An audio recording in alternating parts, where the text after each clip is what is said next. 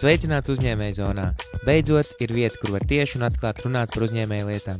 Hārs Biržs un Mairs Švīgers iztirzā aktuālas uzņēmēju problēmas pārdošanā un mārketingā, lai tev mazinātu galvas sāpes un tu varētu pārdot vairāk.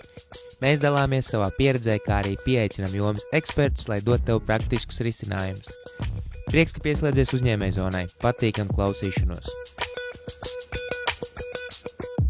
Čau visiem! Ir pirmdiena, Hello! pieci vakarā, jeb rītā. Nē, nu vakarā. Uh, Te Ārs un Mairis. Šodien mēs runāsim kopā par, uh, man liekas, ļoti svarīgām tēmām. Yes. Par to, kā klients tevi atrod. Un es jau pašā sākumā gribu uzreiz momentāli iedot pirmo uzdevumu. Aizver acis, nu, ja tev ir biznesa, aizver acis. Un iedomājies, ka tu esi tas Jānis vai Anna, vienalga cilvēks, kurš no tevis kaut ko grib pirkt. Tagad ieliec sevi viņa kurpē. Vienkārši tiešām iztēlojies sevi tā cilvēka ādā. Tad kā tu esi viņš, un tagad viņš ir atvēris tavu mājaslapu, vai tavu Facebook lapu, vai vienalga tas, kur ir atrodams tavs produkts vai pakalpojums. Un tad iedomājies, kā, kā tu tagad jūties skatoties uz to, ko tu esi uztaisījis. Vai tev ir viss skaidrs, vai tev ir kaut kāds apjukums, vai tev rodas jautājumi. Un vienkārši ieliec sev tajās kurpēs un padomā par to, kā klients tevi atrod. Vai viņš vispār var atrast, nu, kā, kur viņš tevi redz, vai viņš tevi var kaut kur dzirdēt, vai viņš tevi var redzēt, vai viņam ir uh, tāda sava veida saikne ar tevi. uh, Pirms viņš kaut ko pērk no tevis. Ka vai viņš tev uzticās, jā, kur, kur, kur tu atrodies. Ko viņš vispār var atrast par tevi, kādu informāciju? Um, man liekas, ka īstenībā pat pirms tu sāc, tu, tu teici mājaslapā, man liekas, ka pat sākumā pat var sākt domāt, ja cilvēks kā tāds, ja man vajag kaut kādu produktu vai pakalpojumu, kas ir pirmais, ko es daru? Es eju Google un es rakstu iekšā, ne? Un tad, protams, tur Mm. tā pirmā lapa, otrā lapa. Ja es tur neko nevaru atrast, tad es mainu. Nu, es, pat- es tā daru vismaz. Mm. -hmm. Ja tu ej varbūt tālāk, tu ej trešajā, ceturtajā. Es, es tur aizēju, bet netik, tas nav, tas nav, tas nav Tas no rīta droši vien, kamēr tev ir pacietība. Tas ir tad, ja pirmā lapā, ah, nebija nekāda iedzīga informācija. Jā. Bet, bet ja tur, nu, ja tajās pirmajās divās, nu, trijās tur nekā nav, tad skaidrs, ka vienkārši rakstīs citus vārdus. Tas jau noteikti viens. Tālāk nākošais gan jau ir Facebook. Un, zināmā mērā, man patīk šī tā parasti salīdzināt ar to, ka cilvēki paši, kuri kaut ko dara, um, nu, pie, pieņemsim, ja, tu, ja tev ir kaut kāds produkts vai pakalpojums, tu šīs lietas reāli vērtē, kad tu pērc no citiem, bet pats priekš sevis nē. Nu, saproti? Turpin.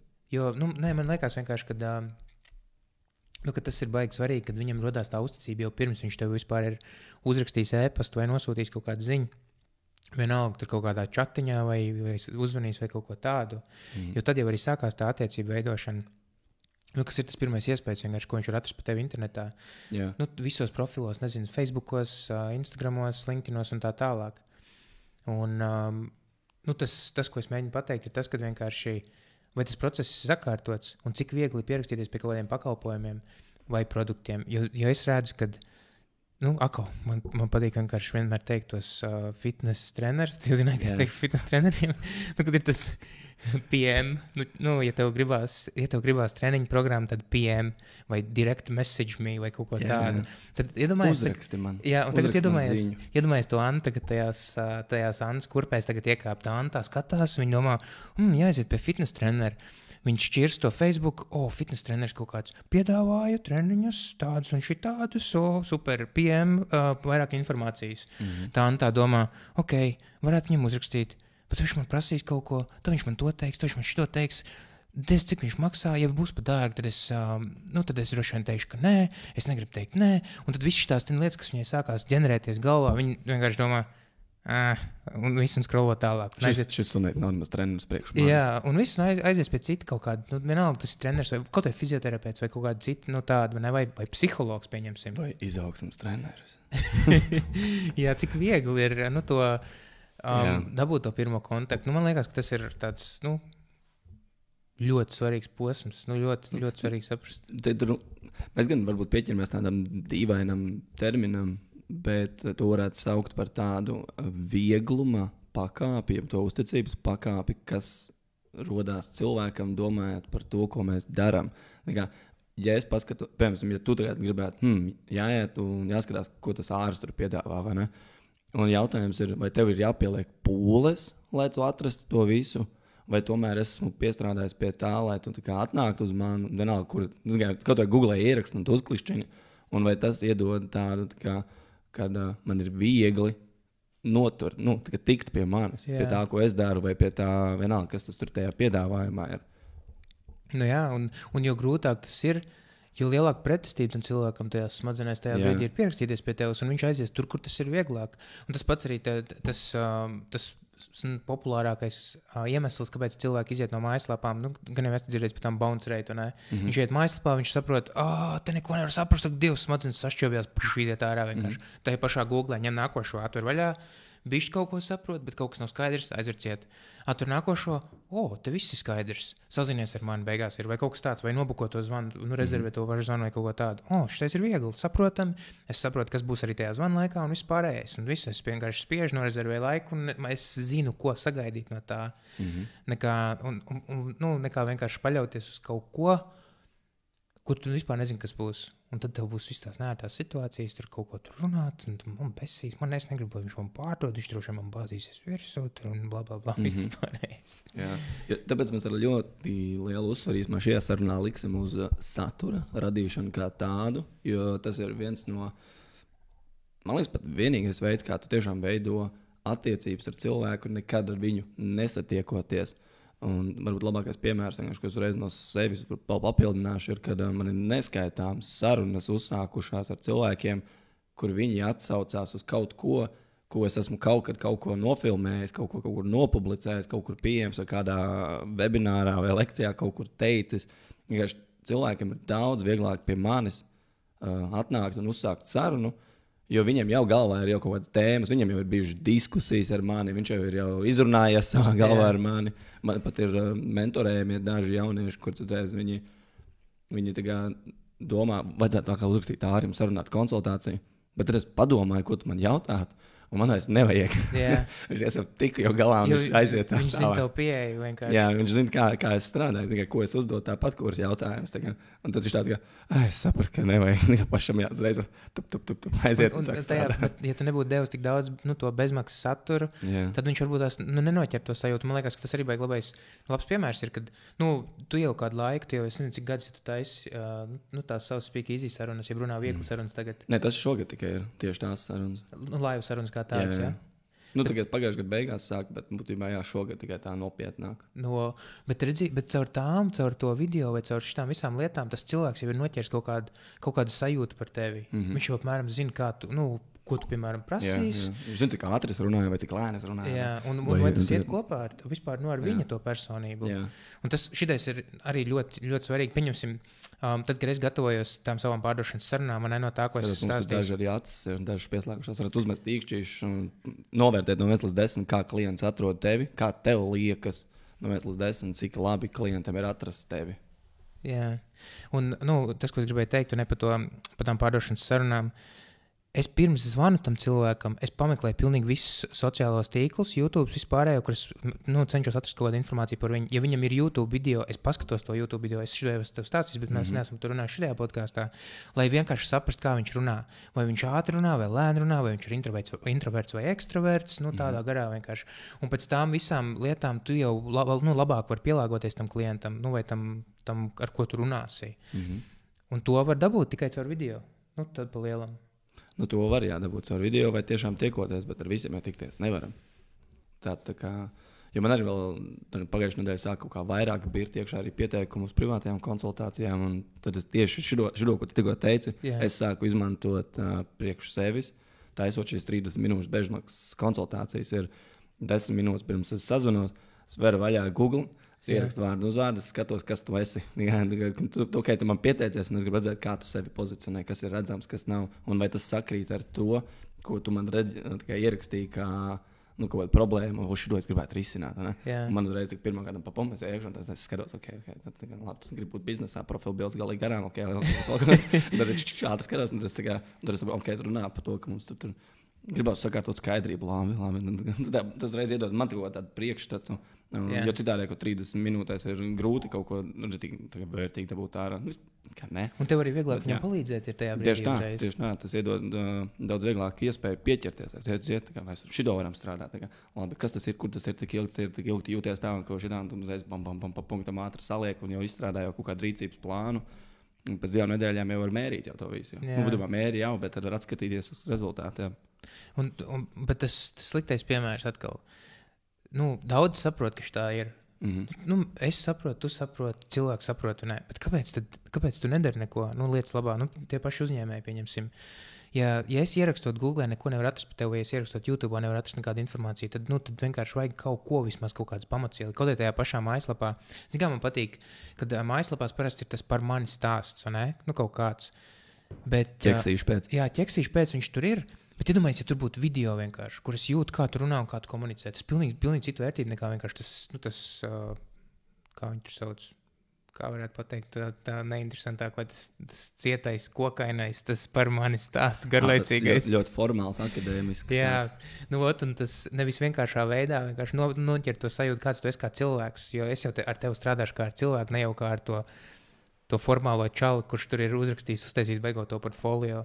Un man liekas, ka tagad vispār tā, jo vienkāršāk tu māki komunicēt, jo vieglāk tu māki. Nu, Likt savam klientam saprast, ko tu dari, jo, jo veiksmīgāks tu būsi. Nu, tā, Jā, Tā tās kom, pieņems. kompleksas, jau sarežģītas lietas nogalina jebkuru rīcību katrā ziņā. Jo, Jā. jo sarež... ja nu vienīgais tavs biznesa modelis nav sarežģītas lietas pasniegt, tad sarežģīta lieta, inženieris. Es, es visu vienkārši uztaisu sarežģīti. Jā. tā tā tā, ok, jā, forši sapratu. Bet, nu, atkal izējot no tā, ko mēs tagad runājam. Um, tu jau ļoti ilgi taisi saturu, ne? jā, nu, Un- nos, nosacīt. Un, un kādam, kurš nu, tā nu, salīdzinoši, nu, katrā ziņā vairāk nekā vairums, nu, tas nu, noteikti, ziņā, jā. Nu, ot, un es, es arī kaut kāds, nu, jau vairāk kā divus gadus, man liekas, to savu podkāstu mocu, kaut kā stumji lēnām uz priekšu, un kaut kas iet, kaut kas neiet, citreiz izlaiž, citreiz neizlaiž, bet pie lielām es noķēris to sajūtu, kā tas ir kaut ko darīt. Un tas aizņem daudz laika. Un tad cilvēki, tagad, kas klausās, jau citu uzņēmēju, varbūt tās domā, ka, ok, bet tas ir tāds čakars vienkārši. Un tad mm. viņi nesāk. Mm. Kas ir tas, varbūt, tās, ko tu ieteiktu, ar ko vajadzētu sākt? Kas ir tas, lai, lai nebūtu tā, tā, tā baila sajūta, ka, ak, Dievs, tas ir tāds čakars, tas ir tik grūti, viss tik tās traks lietas jāzina, tur tās gaismas un kameras un skaņas un vispārējais. Mm. Ir um, te tehniskais, jeb tas, ko lielākā daļa no sākuma nobīstās no manas puses, noteikti šo gribu teikt. Mēs visi domājam, ka kā ir tas, kas attur. Kā nekad nav bijis tas, kurš attur. Jo nu, resursi jau mums ir pieejami. Kā, kaut vai paņem reku, vaļā, reku telefons, būm, reku kamera, reku mikrofons. Jā, šeit, wow, runā. Tavs Mm. podkāsts ir sācies, vai ne? Un, vai, nu, ja, tu, ja, tu nezini, ja tev nav tāds telefons vai kāds cits, nu, atnāc uz Speakeasy vai paprasti kādam radiniekam, vienmēr atradīs tehnoloģijas. Mums, mēs esam tajā punktā, kur tehnoloģija vairs nav problēma pirmām kārtām. Jā, Jā. bet, Jautājums, jā. cilvēki ieslīgst, ieslīgst tajā, cik, Jā, jā, cik, jā, jā, cik cik- grūti tev tā tehnoloģija. jā, nu, protams, ka gribos rekrutēt tā kā lab, labāks mikrofons, Nu, vēl jā. viens mikrofons, un tur ir kaut kāda kamera, un tad arī kaut ir gaisa mirvane. Un, ja gribās jau ar vien labāku un labāku vai kaut kādu konkrēto stilu, nu, tad būs jāstrādā pie plāna. Bet uh, Re, kur- Es, sāku, es, sāku, es, es gribēju vienkārši piebilst, es sāku savu podkāstu ar telefonu un ar šādām austiņām. Tā es sāku savu podkāstu. jā, nu, parasti vienkārši jā, telefons un austiņas. Jā. Un es sešus mēnešus sev mocījos, nevarēju panākt aizmigt. Es domāju, es gribu sākt podkāstu, bet nevaru saņemties. Man nav, tas nav, nav šitais. Vienkārši vienu dienu pieceļos, izbēsījies, paņēmu austiņas, sazinās. Jā. Ir tāda, tāda platforma Ankor, Ankor.fm un viss, un vienkārši sāc ierakstīt. Jā, un te, te ir tieši tas, par ko tu runā. Ir, ja tu nekad neesi taisījis, ja tu, vienkārši domāju par podkāstu vai pieliec, pieliec kameru klāt, un tas ir video kāds, ja, ja vlogs gan reizes sanāk, kaut kas tāds. Ja nekad neesi taisījis, tad nav svarīgi kvalitāte, svarīgi ir patronēt muskuli, vienkārši runāt. Un es parasti pasaku tā, loģiski, loģiski, ja kognitīvi varētu teikt. Atceries, ka tu to visu vari izdzēst pēc tam. Jā. Safilmē, pastāst pēc pusgada, ko tu izdarīji. Ja patīk, atstāj, ja nepatīk, vienkārši izdzēs to visu. Noraksti, kā šis man bija labs mēģinājums.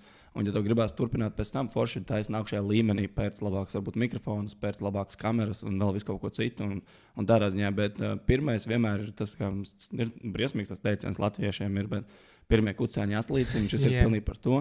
Bet es runāju par tādām tehniskām lietām, un, un es vēl, vēl tieši pāris dienas atpakaļ ar vienu ar klientu tieši strādāju par to. Tehniskais nav problēma. Arī tam cilvēkam nebija tehniskās lietas problēma. Problēmas bija iekšējās sajūtas, kas, nebija, kas bremzēja. Un, un šis ir pavisam jau kaut kas cits. Jo nu, tieši tas sistēmas, procesi, to mēs visi saprotam. Mēs ierakstām Google, un mums izskatīs 40,000 veidi, kā uzsākt podkāstu. Un, un, un tas svarīgākais ir, cik apzināti mēs spējam tikt galā ar to, to sajūtu. Un tam cilvēkam vienkārši ķermenī iekšā viņam sažņaudzās viss. Un tad, jau, un tad es, protams, palīdzu ar to tik galā. Un tagad tik, tikai ar to pašu emociju galā saprast, no kurienes viņš radās, kāpēc viņš ir akumulējusies kaut kas tāds, tā sajūta 20 gadu laikā, un tagad man jātiek no viņas vaļā. Ir Jā. pilnīgi neracionāli, pilnīgi neloģiski. Bet, reku, piemēram, tādā veidā tiek no šīs sajūtas vaļā. Un tad pēkšņi atcerās telefons, parādās austiņas, un viss var izdarīt uzreiz. Un tad ir jāstrādā ar to, kas tad ir tas, kas man tieši īstenībā bremzē, vai man bail, ka par mani smiesies, vai man, uh, vai man bail, ka mans radinieks ieraudzīs vai dzirdēs to, ko es saku, un viņš teiks, ak, Dievs, kāds tos lohs tur. Jā. Vai, tikai, bail, ka kāds priekšnieks vai kolēģis ieraudzīs, ak, ko tu tur posto pusdienu laikā. Es saku, es nepaustoju pusdienu laikā, tas ir schedule, tas vakarā ierakstīju, un es ieliku, lai Dātu. jā, jā, tas dārgi. Es ieliku, lai viņš parādās, tad, kad tu ēdīsi pusdienas, nevis tad es ierakstīju. Jā. nu, un te par to ir. Tikai Kas tad ir tās īstās atrunas? Tikai Es pat ieteiktu, tā uz lapas uzrakstīt, kas man jātur, un vienkārši sarakstīt, brum, brum, brum, viss, kas nāk ārā. Jo tas viss ir emocionāls problēmas, un tas ir tas, kas ir visgrūtākais tikt galā. Kas tu esi par ekspertu? Ko tas vispār var pateikt? Kādu, nu, vispār nes pieredzi, viedokli izteikt, tas arī var likties grūti. Jā. Jo ir cilvēki, kas vienkārši savu viedokli močī visur un visu laiku. Un ir cilvēki, kuriem tiešām ir labs viedoklis, bet viņi nesaka. Un tad, tas ir vairāk uz tiem grib, ka tev viņš ir labs. Tu, tu, kad tu runā, cilvēki klausās, viņi pēc tam pasakā, wow, tur jau palīdzēja saprast kaut ko, es tagad zinu vairāk, jā. vai man tagad ir skaidrība, ka, oh, tiešām, jā. Un tie cilvēki runā pārāk maz. jā, Tā, tāpēc es domāju, ka uh, viņiem vienkārši negribās runāt, jo viņi saprot, ka viņi nav jēga tērēt enerģiju, jo tas viss aizņems daudz, daudz laika. Bet, ja tu nesāksi runāt, neviens cits jau nezinās, cik tavs superīgais viedoklis ir labs. Un tad Jā. tie, kas vienkārši runā, tad, tagad bija tas, tas um, cepiens kaut kādu laiku atpakaļ par tiem Atcerieties, tie nu, Rebaltika bija uztaisījis arī to sižetu par tām selerijām, un kas tur bija, kad tur tā selerijas ārstē pret kaut kādām slimībām un tā tālāk. Nu, tu, tu nezini to, bet es tev tagad... Jā, jā, bija, bija kaut kāds tāds. Nu, ot, un, un tad tie influenceri, tie cilvēkam ir kaut kāds sekotāji pulks, bļaustījās par šīm lietām un, un vienkārši uh, promotēja to, to selerijas, visas tās -hmm. dzeršanas un vispārējo. Un, uh, un iedomājieties, tad visi tie cilvēki, kas seko, viņi vienkārši redz, ka tas, tas, tas cilvēks par kaut ko tādu runā. Un, nu, ja jau tik daudz šitam seko, tad jau laikam, tas ir leģitīvi. Nu, laikam jau tas ir normāli. Mm. Vai, nu, kāds izvērtē? Citiem, protams, liekas, ka nav, citiem ir.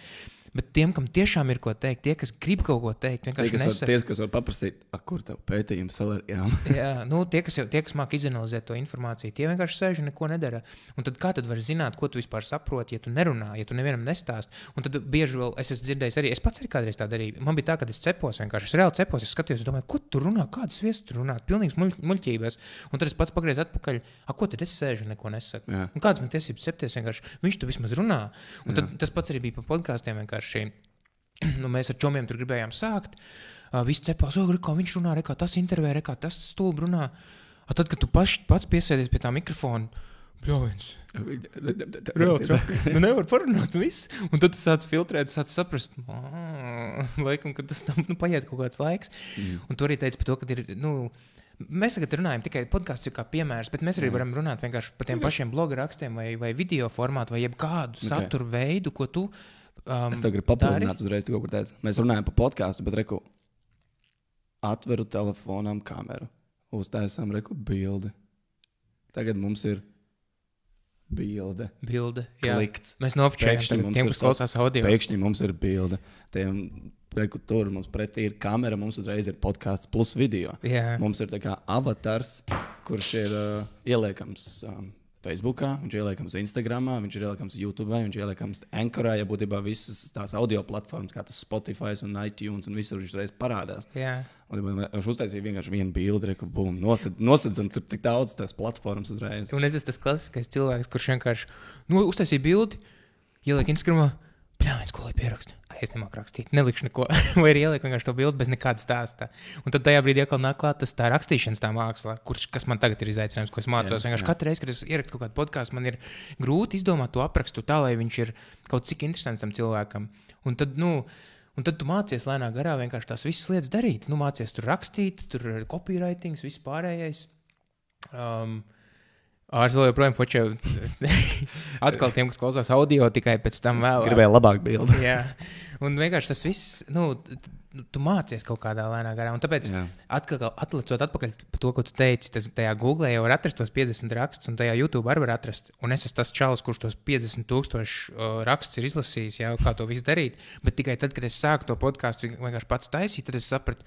Bļā, viņš pilnīgi savādāk nekā tur bija rakstīts. Nu, jau, mm. Tad jau es izdzīvoju, tad sākās tas Jā. lielākais čakars. Nu, tā. Teorijā jau viss ir smuki. Mēs jau ar tevi varam te, teoretizēt par to, kā klients tev atrod, bet beig beigās jau viņiem tāpat ir. Nu, ceļš tur piedāvā. Jo, ja, zinu, ka daudziem pat vispār nav nekādas opcijas. Viņi neko nav sagatavojuši, lai viņi atrastu no, no, no mutes mutē. Cilvēki mani zina, es daru labu darbu, mani iesaka un mani atrod. Jā. Un forši. Kā, ja, tas, ja tas pilnībā nosedz tavu to noteikti laiku, un, un tas atbilst taviem mērķiem, un iespējams peļņai vai visam, ko tu gribi dzīvē darīt, forši. Kā, bet tajā pašā laikā nu, tu jau nekad nezini, īstenībā, cik daudz tu vari aizsniegt, un cik daudz cilvēkiem tu vari palīdzēt. Jā. Vai cik daudziem vispār varbūt, nu, ja tu esi kurzemē, varbūt no Latvijas kādam interesē, kā, ko tu tur, kādu metu tur taisi, tur tu savā tur Jā. sabilē. vai ne? Tu Tieši no. Sabilas, Es tur no Turlavas esmu ne, tā kā. Viņam nav ne jausmas. Viņam būtu interesanti aizbraukt, piemēram, nevis tev kā klients, bet viņš gribētu aiziet pieredzes apmaiņā. Jā. Un viņš gribētu, piemēram, ar tevi. Kā, mm, es tur klausos tavus tos video jau kā, tur astoņas stundas, un man liekas, ka būtu laiks iepazīties. Un Jā. tā kā, un, tādā ziņā tas ir interesanti. Un katram tas stils jau ir atšķirīgs. Tas man liekas, tas foršākais, ka mums katram ir atšķirīgs stils, un viņš izkopjās. Jā, un tad arī tu izvēlēsies tos cilvēkus, vai tos satura veidotājus, vai tos, tās kompānijas. Jo tev patīk tas viņu stils. Un tas arī viss. Un, un zin kā, un tiem cilvēkiem, kas varbūt tās tagad klausās un domā, bet manī neviens neklausīsies. Jā, viens ir visādi cilvēki. Jū. Vienkārši visi tevī neklausīsies. Protams, varbūt mūsu, cik mums tagad trīs cilvēki klausās, mums citreiz vispār mums, nu, vienkārši es nezinu, cik daudz Tas ir vēl jauns podkāsts. Jā, bet vispār cik daudz klausās. un Tad... Es domāju, ka vispār nevajag iespringt uz nekādiem cipariem. Pa lielam. Ir, ir, tev- labi, ir labi mērīt, tas pilnīgi noteikti. Ir uh, jāsaprot, kur tu sāc, un jāskatās pēc nedēļas, pēc mēneša, pēc ceturkšņa, pēc gada. Ir labi mērīt, pilnīgi noteikti. Bet te ir tas, ko es jau liekas, otrajā vai kurā mēs runājam par to.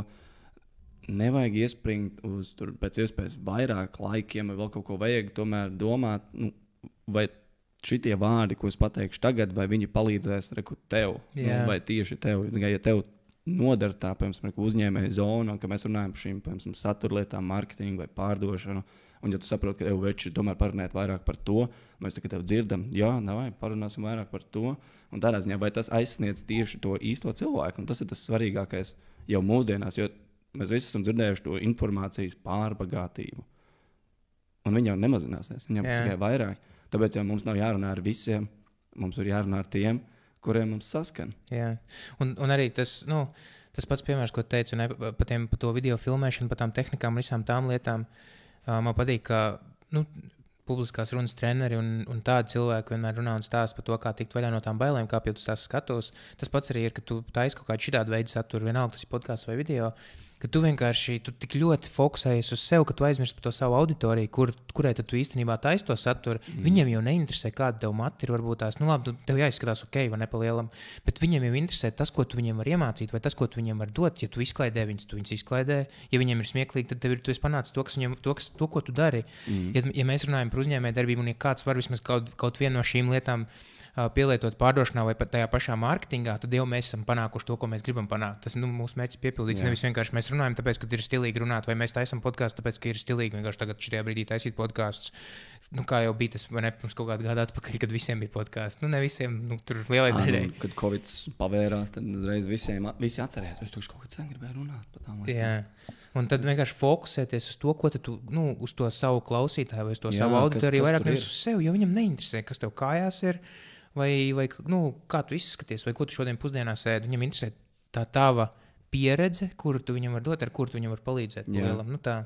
Ja, man, man, ja mēs runājam šādiem podkāstiem, tas, ko mēs darām tagad, man palīdz vizualizēt domu, ka šeit mums telpā ir vēl nu, 15, 25 vienalga vai 1000 cilvēki. Un, es, un šis filtrs man palīdz uh, saprast, vai tas, ko es saku, tiem cilvēkiem iedos vērtību. Jā, Tā kā būtībā es redzu, ja tur ir ja tur 10 cilvēki, un uzmet 20 acis uz manis skatās virsū, 20 smadzenes tur tur lai kaut ko tā kā tur ģenerē. Viņas tikai mēģina vilkt kopā visu to lielo bildi. Tagad, tagad, vai tas man ir vērtīgi? Viņš jau laiks skatās, vai tas man ir vērtīgi, vai tas man tagad, vai, vai der vai neder, vai der vai neder. Un tagad es no sevis cenšos labāko izteikt, lai tas papildinātu to. jā. Un, ja mēs runājam par tādām publiskajām uzstāšanās bēlēm, ja, ja kādam tiešām liekas, ka tev viņas ir, man ir desmit minūšu tehnika, kā var tikt ar to galā. Tur nevajag neko vairāk. Bet uh, tas jau cits stāsts, un tur tu vari atsevišķi pieteikties. Kā Var atrast mani Facebook. Raksta man pe personal message. Iz, bija jau kā- izlikt caur tām cilpām visām. Jā, iz, izlaiž vis, cauri visām uguns cilpām, lai nokļūtu pie manis. Jā, un, nu jā bet vēl, vēl par to pašu saturu. Um, ja tas, nu, es gribēju pieminēt, vienkārši pat, arī tu teici, ne par to, ka, nu, kas palīdz. Man, piemēram, sākumā bija tā, ka es sāku tikai ar audio. Man nebija vispār nekāda video, nekur klāta, un ne tad, kad es sāku savu podkāstu taisīt. Un man pēc tam vēlāk es atklāju, ka man vēlāk bija vieglāk sev nofilmēt, jo pirms tam es arī biju tur visādās, visādos kursos gāju cauri, un tur bija daži no uzdevumiem sev filmēt, likt tos video tajās, tajās grupās un dabūt kaut kādu feedbacku. Un es vienmēr vienkārši tā mocījos ar tiem video. Es vispār nevarēju parunāt normāli. Nu, angliski arī tad, nu, visādās tur, ne, tur ārzemju lapās un tādā garā. Welcome to my shop. Jā, come again. Thank you, come again. Thank you, come again. Un vienkārši tad vēlāk es sapratu, ka, ja es, es sāku runāt audio, es kaut kā iemācījos bišķiņ, nu, ar mazāk liekvārdību izteikties. Un tad es sapratu, ka man arī video vieglāk uzfilmēt. Ir. Mm -hmm. nu, un, viss, un tad tā lēnām garā kaut kā, nu, nu tagad es netaisu tieši nu, daudz tādas tieši video saturs, bet man vieglāk, piemēram, pašam podkāstā runāt. Ir. Bet tas, ko es gribu pateikt, kad uh, nevajag taisīt to, no kā tev ir nērti. Tu, kas klausās, vienalga. Zini, kā ir daudz cilvēku, ir, ir lasītāji, ir rakstītāji, un, un ir tie, kas patērē saturu audio formātā. Un tad lielie krūtie influenceri, jeb krūtie visi, es nerunāju par tādiem influenceriem, kādus mēs redzam te Latvijā. Es runāju par influenceriem, kas ir reāli cilvēki, kas ir, kam ir kaut kāda nu, uzņēmuma, nezinu, viņi tur kaut kādas kursus pasniedz, vai viņi kaut ko citu dara. Nu, tāda veida influenceri, vai nezinu, nezinu, jā, viens politiķis, Baraks Obama ir influenceris, Trumps ir influenceris, nu tāda veida. ne? Tas, ko es gribu teikt, ir, ka izvēlēties to, kas tev visērtākais ir. Ja tu sēdi visu laiku mājās ar, ar treniņu biksēm un ar izpūrušiem matiem un ar uh, noaudzes vārdu, Un tu gribi, lai tev nekad neviens neierauga. un tev neviens neieraudzīja, jā, tad vienkārši iedomājies, cik viegli ir paņemt mikrofonu. Tev pat nav jāslēdz iekšā kamera un vienkārši runāt tajās savās treniņškās, ieliec kapī iekšā. Tad Intro, šim podkāstam intro ir kapī ierakstīts, jo tur vismazākā skaņa ir. Es ielīdzu kapī godu vārdu, un, viss. un jo tur vismazāk atbalsts ir un vienkārši ierunāja. Un neviens pat to neredz pareizi. Un tad vienkārši, kas tad tev ir tas ērtākais vai vieglākais? Ja tas ir audio, ņem mikrofonu runā, ja, tu, ja tev patīk vārīties un runāt. Ja tas ir video, un ja tev ir ērti video priekšā, nu, es zinu, ka ekstravertiem cilvēkiem droši vien tas būs viegli. Viņi vienkārši ņem un pagriež uz sevi un runā tiem, kas vienmēr visur cilvēkos ir viegli un tā. Un tad ir tie cilvēki, kas, kas lasa vai raksta. Nezinu, tu brauc sabiedriskajā transportā, tur kāds vienmēr būs, varbūt tās. Labi, tik daudz, varbūt nebūs daudz cilvēku. Bet kāds kad ar, ar Kindlu vai ar grāmatu Jā, nu, rokās. vai ne? Kindles varbūt nebūs tas populārs. Nu, ej jau telefonā visi jau. Jā, nu vai telefonā lasa. Būs kāds, kas lasa. un Tad te iet runa par to, ka ir, ir dažādi cilvēki un dažādi cilvēki patērē saturu dažādi. Man patīk klausīties audio podkāstu, tāpēc es vienmēr visu laiku pieminu, ārsts ir uz video? Tu esi, un es, es atkal gribu, lai nu, tas audio kaut kā ir tas, nu, tas Jā. manējais. Nē, nu, es arī pārsvarā, ja ir, tad es klausos. Nu, arī tas video ir vēl kā papildus formāts klāt, jo, tu, jo zinu, ka ir um, labi redzēt, jo es sapratu kaut kad jau. Nu, Pat, pat pirms posmas, pirms pirmā turisma uzņēmuma, vienā brīdī es piefiksēju, ka uh, mm, bija tāda ceļošana Indijā, kas bija viens tāds piecu mēnešu projekts, kur uh, 2015. gadā, kur es sapratu, ka reku ir visi ir tikai mēs ceļosim piecus mēnešus Indijā, cash mums varbūt ir diviem mēnešiem. Un mēs me, meklēsim sponsorus un taisīsim šo kā tādu projektu, kur mēs filmējam dokumentālo filmu. Un es sapratu, ar audio būtu pamāts. Jā, Ar, ā, dokumentāla filma. Ar, ar, blo, ar blogu ierakstiem būtu pilnīgi noteikti par maz. Jā, Un, uh, lai arī cik uh, kājas varbūt tajā brīdī trīcēja, es zināju, ka, lai šo ideju no šī brīža var iznest, uh, tas reāli sanāks nu, jau seši gadus atpakaļ. Tad vēl influenceri nebija tik influencīgi. jā. Uh, un tad vienkārši tas bija kamera, kuras bija jau Vācijā lēnām. Es jau biju trenējis to pašu savu dikciju, to man izrun, spēju izrunāt. un Tas jau sāk gan seši gadus atpakaļ. Jā. Un tad ekrāna, tad man ir otrs kolēģis, kā, uh, kur mēs kopā braucām. vienkārši Viņš tā kā, oh, jā, mēs pērkam biļetes. Viņš arī tur nu, hypes, hypes. Un es domāju, ka ir brīdis. Nu, puf, izmet ārā kameru, izmet ekrānu ārā, uzspiež rekordu. Jā, ka tikko nopirkām biļetes. Un tu otrs tā kā, tā kā, tā kā viņam nērti, man nērti, bet mēs abi runājam kamerā. Jo es saprotu, ka šis ir ātrākais veids, kā mēs varam iepakot šo, šo emociju, lai tu vari dzirdēt, un lai tu viņu vari redzēt, un lai viņi tā kā, oh, jā, šit, Jā. šit, šitiem džekiem mēs gribam pamkšos piecus mēnešus pastīties, ko viņi dara. Un tad, ja mēs mēnešu laikā vienkārši. Varbūt man vēl palīdzēja tas, ka es protu montēt. Es jau pirms tam, Jā. es, es pat raidījumus montēju vienā brīdī, jau pirms tam televīzijas raidījumus. tā kā Es zināju, kā to visu likt kopā. Arī. Tā Es, tā, tur es esmu pavadījis nu, savus pustūkstotis stundas. Pa, kas noteikti. bija par raidījumu? Ko tu montēji? Jā, Ievas pārvērtības. Jūs pār. Jā. Atceros, tu, es dzirdēju to, ka tu esi Jā, montējis, bet neatceros. bet kas tas bija četras epizo- epizodes. Būtībā es nezinu, cik. es- Es domāju, ka 300 stundas pavadīju vienā mēnesī vienkārši iekšā ekrānā montējot to visu. Ja vienkārši man grūti samontēt bija to, kas tas ir. Bet uh, tas, tas man palīdzēja. Montāža, pirmā, pirmās reizes, es atceros, es daudz. Ja mēs rītīgi atskatāmies chronoloģiski apakaļ, pirmo kameru nopirku kaut kādā tur, laikam, 13. gadā un vienkārši aiz kauna gāju mežā uz soliņa filmēt, ierunāt savas domas. Tad es sapratu, kas man sanāk, kas man nesanāk. Tad ar vienu draugu kopā uztaisījām vienu aplikāciju, un tad nu, neviens cits jau nav. Es pats taisīšu to dūmu. Tad es arī aizgāju uz stabilizatoru, nopirku, uzliku kameru sev pāri pa plecu un tā kā filmēju to, kā es ar pirkstu veicu cauri aplikācijai un runāju iekšā, kas tur ir. Tā Jā. Kā, nu, tad, tā, tad jau pēc tam bija pirmās reizes, es mēģināju, kā ir atvērt ekto, nu, tāds fliptas ekrāns, ka es redzu sevi, un tad es eju cauri pilsētai, kā runāju iekšā kamerā, tad, kā, ļoti nērti. Joprojām tas man ir kā nērti pilsētā runāt tā tādā Jā. veidā. Kad citi apkārt redz, ka tu runā kamerā. Jā, un tad es tā tāpat apgūstu vairāk to montāžu, to es kaut kā tā hobija veidā biju apgūlis. Un tad jau Latvijā, jau tad, kad bija šis projekts, tad es sapratu, ka ir, vot šis ir brīdis, kad viss, ko es zinu, bija jāpako, lai notirgotu ideju. Jā. Un, viss, un tad mēne, mums bija mēnesis, jo bija jālido projām, un tad mēs tikām iekšā vis kaut kur. Tur, Kaut kādas intervijas bija rādio, bija un tur, televīzijā bija vienkārši pam, pam, pam, pam, pam ātri gāja cauri. Tāpēc, ka mēs varējām piegādāt video. Tāpēc, ka mēs varējām piegādāt to, ko mēs sakām. Un tad, kad tev šis kombinējās kopā, tad cilvēks daudz ātrāk panesās. Tā Kā, jo podkāsts ir lieliski, kā tāds satura nodošana, kā tagad. Jā. Bet, ja gribās redzēt, lai pavāk līdzi, tad man liekas, vajag, lai cilvēks arī redz vizuāli. Kā- lai viņš redz, kam viņš valkās līdzi. Tas gan nevis tā. iztēles auglim, jo, ja, ja tu nekad neesi redzējis mani vai mairi, tev ir bilde galvā par mums. Bet, ja tu mani esi redzējis, es zinu, ka tu mani esi redzējis. Tikai tev vairs nav tava bilde, tev ir, e- tev esmu es, Jā. tev ir Elonas Masks, tev ir Bills Gates, tev ir uh, mūsējie visi politiķi, un tev būtībā ir jau konkrēts. Kā Tev vairs nav iztēles auglis, tev ir konkrēts, kurš pēc tam atkal runājās ar tevi. Nu, ar, tu savā galvā pēc tam runājies nevis ar iztēles augli par mani, bet ar mani. Jā. Un tas ir tas, kas svarīgi, ka tur ir kastīte izveidots, ka tur ir āris, birze, kastīte. Un viņš uzdod šos jautājumus, un viņi man vienmēr besī, jo viņi man liek virzīties uz priekšu. Jā, nu, jā ta- tas ir. Tā, tā, nu, es, es pilnīgi piekrītu, ka ir svarīgi tiešām arī tas, nu, tas video, tas vizuālais un nekad iet klāt. Um, bet, nu, kā jau es teicu, ka, kas, kas kuram ērtāk, ja nav tik drausmīgi, ja tik drausmīgi liela pretestība uz to video, ir, nu, tas sāk kaut ko citu. Jā, vienalga, labākais ir sākt ar jebko. Jā, kaut ko ir raksts vienkārši. Sāc ar rakstīšanu.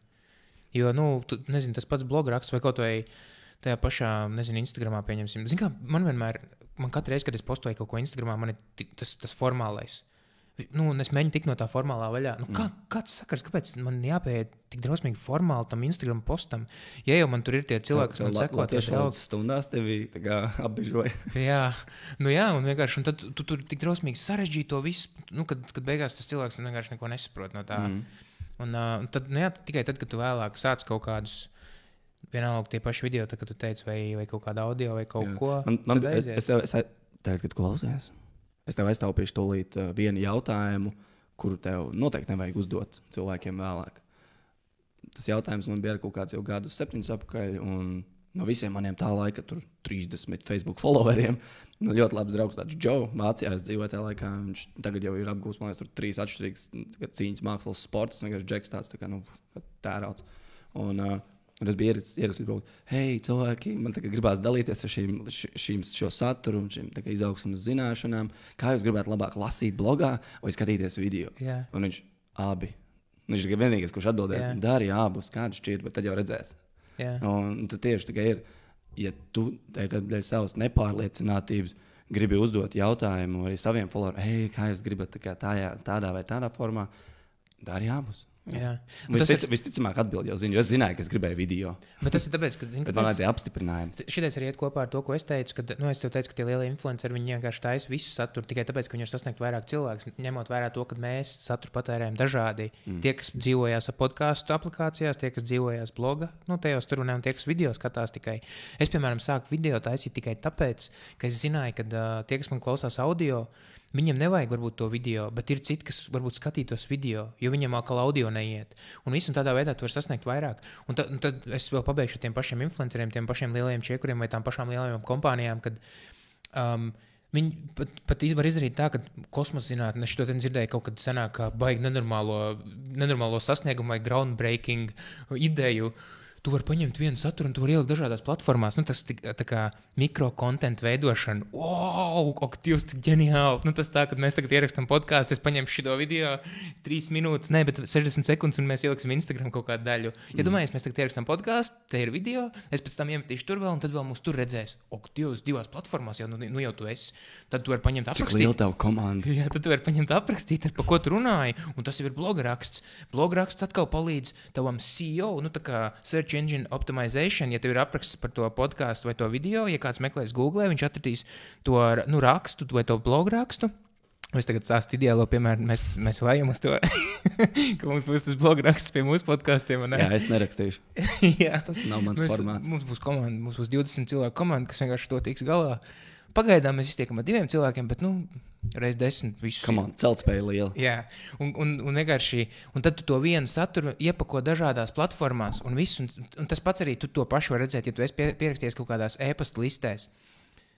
Tu vari redzēt viens un tā, tos pašus domu graudus, ko tu esi dzirdējis varbūt tās no tā cilvēka podkāstā. Viņš tev atsūta e-pastu, nu, kā e-pastu vienkārši ziņu, e-pasta mārketings. Nu, tā mm. nav jau, nav, tur nav nekāda baigā kosmosa zinātne. Vienkārši šitais, šitajā platformā, šitajā, šitajā te rakstiski viss. Jā. Nevis, nē, priekš to tur man tas vajag, tur man šitais vajag. Un tad arī, tāpēc man patīk tas tā podkāstu forma, kad es varu izņemt, izgriezt tur divas minūtes, iemest Facebookā, es varu izgriezt to minūti, ielikt Instagramā, es varu 15 sekundes ielikt storijā vai vēl mm. kaut kur, vienkārši nu, tad, nu, kaut kādā veidā savācās. Um, okay. Es varbūt ātri kopā ar tevi uzskaitīsim, uh, kā klients tevi atrod, varbūt ātrākās versijas. Nu, viens ierakstam Google, tā kā Āris Jā. vienkārši bumba rekvīra, vai nu Mairs Švīgers, vai ieraksts, ieraksts savu vārdu. Tā kā Ieraksts savu vārdu, uzvārdu Google un pastāst, ko tu atrod par sevi. Draugam jau vēl gala arī pēdējā, pirms 15 gadus. Un, bļāviens, kas tur bija, tur vaļā bildi kaut kādas tusiņas, kur Jo. galā neforši izskatās, ak, Dievs. Kur vienkārši vajadzēja būt jau pasaulē. Tāpēc man neaicina uz darba intervijām. Jūs ieraugāt to desmit gadu veco bildi kaut kur draugos. Jā. nu, ierakstu Google tālāk. Jā, tikpat labi, ka draugiem LV pat var atrast. Atcīm redzot, tur vēl kaut kā 30 tūkstoši laikam iekšā viņi atrodas. Es nezinu, nu, bet liekas maz. Okay. Nu, kas, kas ir dominējošais Latvijā? Uh, Google pats par sevi, vai ne? Uh, otrs mums ir Facebook. Cilvēks skatās Facebook, un, ja vairāk biznesīgi, tad uzreiz, protams, LinkedIn Jā. acis virsū. Ja gribas redzēt, cik tev tur ir vienāds uzvalks, uzvilkts tajā bildē būtībā. Man liekas, tas tas, ko skatās cilvēki. Um, tad jau pēc tam, kas nākušais ir no Instagram, nestāsta tik daudz, bet jau arī pačako līdzi, kas tas ir. Man liekas, jau Twitter Latvijā ir tāds diezgan dominējošs. Ko Jā. es tikai tagad sāku mācīties. Pagājušajā nedēļā uztaisīju kontu. Es domāju, varbūt jāpastāsta vēlreiz, kas tas tāds ir. Jo tur visiem bija moči viedokļi ārā. Es domāju, varbūt arī es turētu pamētāties Jā. ar viedokļiem. Tev vajadzētu tur būt, tāpēc, ka, ja, ja tu vēl raksti, tad, nu, tad tas varētu, vajadzētu būt kaut kas, ka- kur tev Nu, tās vajadzētu 250 zīmes es varu salikt kopā. būt. tas, tas, nekas, tas nekas, ka grāmata trīs ir izdots. Bet, nu, Un, un tad, nu, tas, nu, tāds top 5 jau mums ir. Nu, okay, tas TikToks, jā, noteikti tur arī. Bet vai tas ir tas, kur tevi meklēs primāri? Visticamāk, ka nē. Jo cilvēks gribētu redzēt tavu Facebook profilu, viņš varbūt uz, uzmetīs acis, kas tev Instagramā. Bet nu, visticamāk, jau nu, Latvijā dominē jau Facebook. Tā, kā, nu, tā īsti neizbūs. Tur Jā. tev vajag, un tur vajag, kā, lai tev izskatās, lai, lai tevi var atrast kaut kādā veidā. Vai tev tur ir tavs e-pasts kaut kur rēgojās, vai tavs telefona numurs tur ir pieejams, vai tev ir bilde tāda, ka, ka tu izties pēc cilvēka, kuram, kā, nu, kurš, kurš laikam, es teikšu, kurš ir. Ar kur gribi, gribās ielaisties Jā. kaut kādās sarunās. Es, vispār. es pat pēdējā laikā sapratu, nav jāizskatās tā, kā tu būtu tur, kā, nu, tas tur uh, vislabākās. Uh, CEO. Jā, jā, jā tu, tu, tas pat īstenībā laikam baigi nestrādā Latvijā. Ja tev gribās ar cilvēkiem sazināties, labāk strādā vienkārši, lai tu izties tīrs, sakopts. Cilvēks, ar kuru satiekoties, tev nebūs nu, riebīgi. Tas tāds, hei, šis ir tāds pēc normāla cilvēka. Nu, Šis man neapzags vai neatņems telefonu. Jā, šis man tieši tā, nu, tas vismaz kā viens. Vai arī arī viņš tagad man tagad neievilks iekšā kaut kādā schēmā. Jā. Bet, nu, ne, ne par to ir runa, bet tāds, ka, nu, kas ierakstīs Google apstāties, kas tu esi. Un tad jau pēc tam, nu, protams, loģiski, ja mājaslapa kaut kāda, kas saistās kopā, tad skatīsies, jo mājaslapa tāpat nu, no tā nevar neizbēgt. Jā. Un tad, un tad cik viegli tajā mājaslapā ir ar tevi sazināties? Jā, cik viegli Nu, navigēt, jā. vai vēl labāk saprast. Man, man patīk, man uh, labs piemērs ir, kas man tagad man reāli jāsaglabā. Jā, šī gada mērķis ir sakārtot arī Speak Easy lapu, jo man uh, nesen uzdeva arī viens cilvēks jautājumu. Šeit es pastījos visu, arī tur tika Facebook lapu, es pastījos savu mājaslapu, un šeit man tomēr neradās tāda pilnīga skaidrība, kāpēc man tur būtu jāiet. Jā. Un, un tas, kurš man teica, tas ah, fuck, jo man mājas darbs uzreiz atkal. es saprotu, ka man ir jāpārtaisa kaut kas, man jānodefinē vēlreiz, kam tur jābūt iekšā. Ir varbūt cits attēls jāliek, ir varbūt teksts jāraksta, jā, kaut kas noteikti simt punktu, kaut kas jāņem ārā. Tas ir garantēts vienmēr. Jā. Un vēl pie, piemetot tam visam klāt, ko tu teici, tagad, kāpēc vispār tas viss, vai, to visu vajadzētu darīt? Um, vienalga, ja tu esi tas pats fizioterapeits vai tas pats fitnes treneris, jā, nu, kas ir Vai tas uzņēmēji, kafejnīca vai vai, vai frizētava? kafejnīca vai frizētava. Tu esi, kas tu esi? Nu, es esmu fitnes treneris. Ah, nu skaidrs, ok. Tur ir vēl pieci fitnes treneri, tad uh, vēl septiņi tur kaut kur, un visiem ir tas PM. Vienkārši, un pie visiem tik drausmīgi čakars pierakstīties, ir, ka Dievs, es labāk vispār neiztu to zāli, bez jārā. Nu, paliek vienkārši staigā tāds, kāds ir. Viss. Bet uh, nu, tā, tas jau veido to uzticību. Tas, tas saturs vai tā, tas viss, ko tu darīsi, vienalga tie paši tie blogi raksti vai, vai tie paši video vai tie paši podkāsti. Cilvēkam, cilvēks noķer to feeling par tevi un veidojās tā uzticība. Un te ir svarīgi saprast to, ka it kā tas, ko es esmu teicis, vai ne, kad es ne, šitā atkal neesmu par to runājuši, nu, kad ir tajā pārdošanā ir tie 5 līdz 7 tie touchpointi. Mm. Tas ir tas. Es um, pat ieteiktu tos touchpoints rēķināt mēnešos. Jā. Latvijā to noteikti var rēķināt mēnešos. Tad, kad tu saki 5 līdz 7 reizes, kad mēs kā, kaut kādā veidā saskaramies. Es ieteiktu to rēķināt. Latvijā cilvēks drīzāk konvertējās apmēram pusgadu laikā. Paiet Gan pusgads, līdz kāds ir gatavs pieņemt vispār to lēmumu. Oh, labi, es, beidzot, es beidzot uzrakstīšu viņam. Rekursu statistika, es tev varu atvērt tieši tikko redzi. Pirmā tikšanās, es vienkārši jums, no, nu, tiem, kas klausās audio, es jums izstāstīšu. Pirmā Mhm. tikšanās ir iespēja, ka tu tam cilvēkam pārdos 8%. Ja tu viņu pirmo reizi dzīvē redzi, tas nozīmē, ka tas ir pilnīgs svešinieks.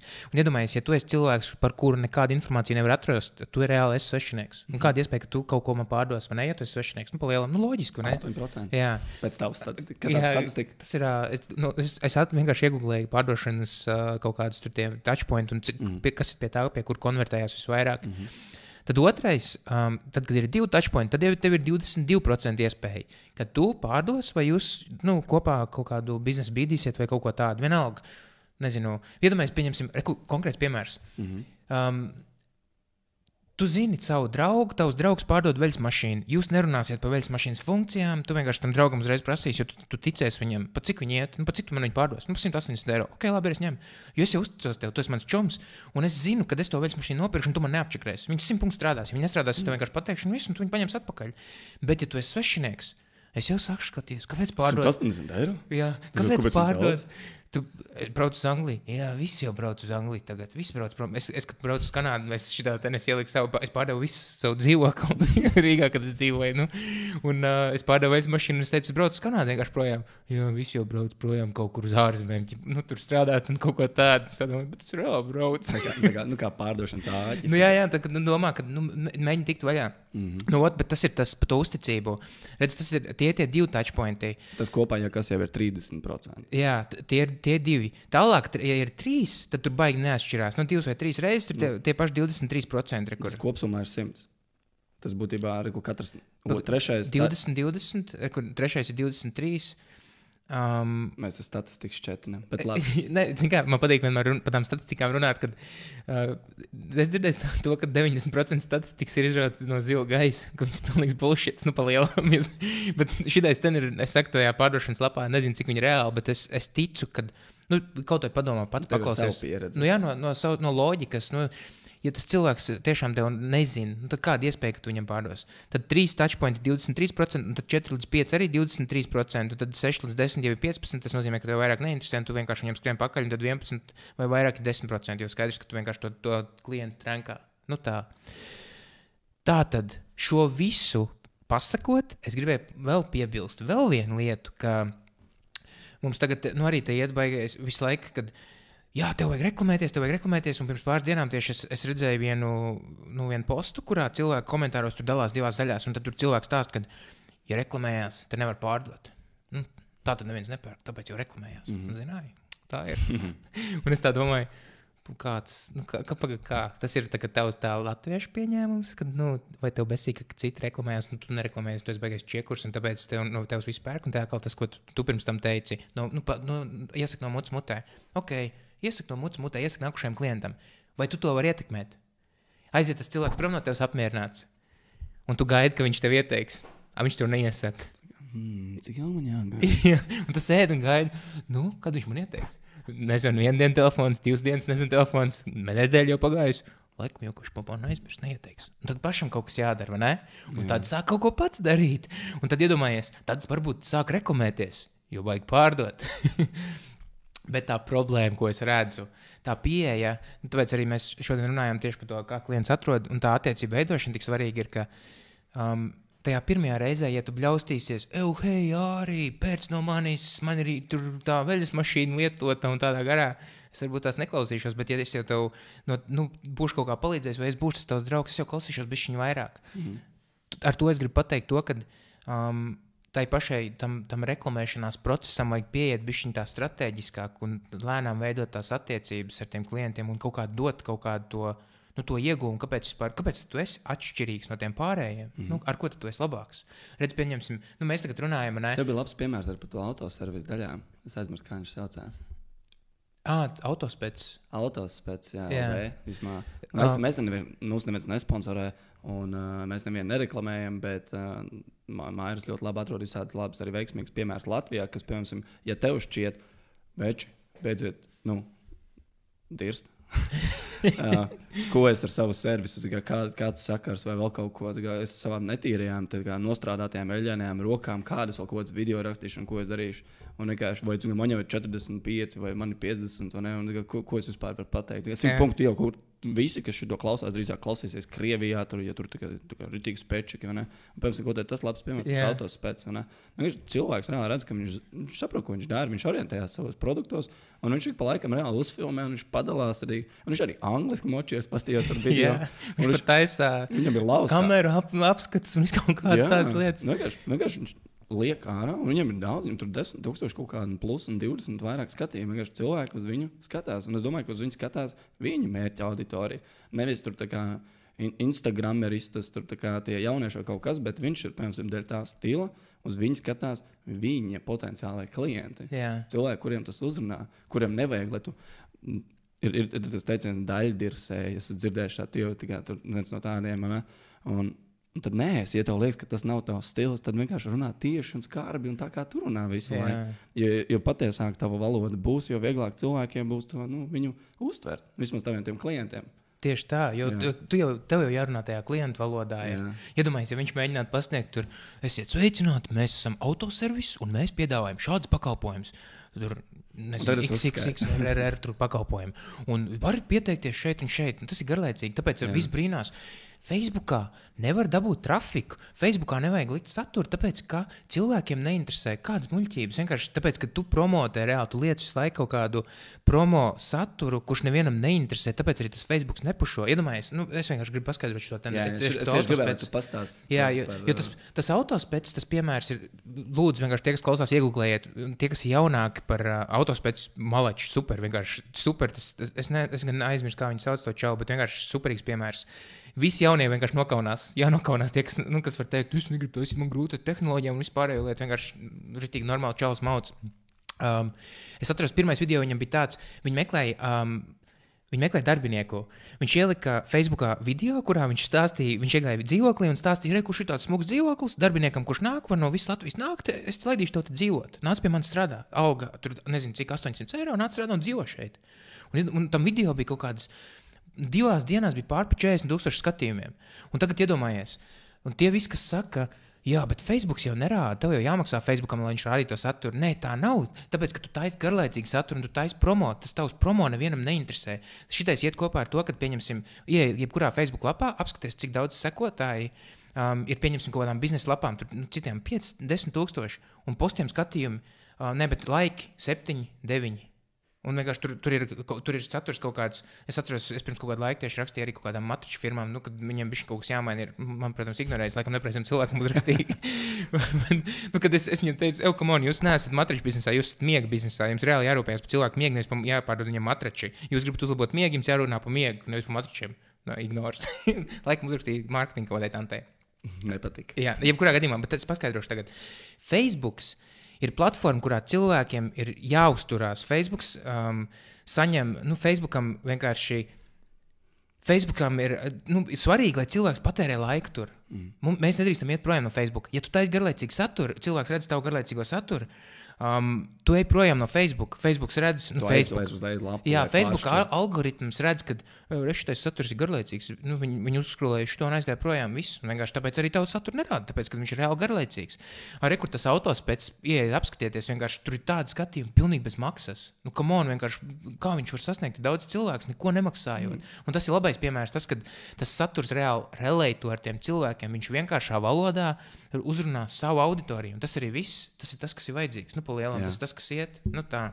Jo ši- Šis ir ļoti labi. Man patīk, vēl Mairs vienkārši kaut kad mm, pāris nedēļas atpakaļ izpakoja. Man, man, man patīk vislabākais piemērs. Man liekas, tas bija no tevis. Es varbūt melošu tagad, bet man liekas, no tevis. Bet nu, tu vari paņemt kredītu. nu, kas ir tad, kad Facebook jāsaskat, jāsaskat kā tā mājas ballīte. Facebook ir kā, kā, hei, tu esi atnācis pie manis patusēt. Mēs te esam tur tikai desmit cilvēki mājā, tam tam tam mūzika skan un viss kaut kas. Un tad tev ir viens tas draugs, kurš, jo es esmu tur nekustamā īpašuma pārdevējs, vai tu vēlēsies apstīties šos trīs dzīvokļus, kas man ir pieejami. Un Jā. tu vienkārši visu uzreiz. Oh.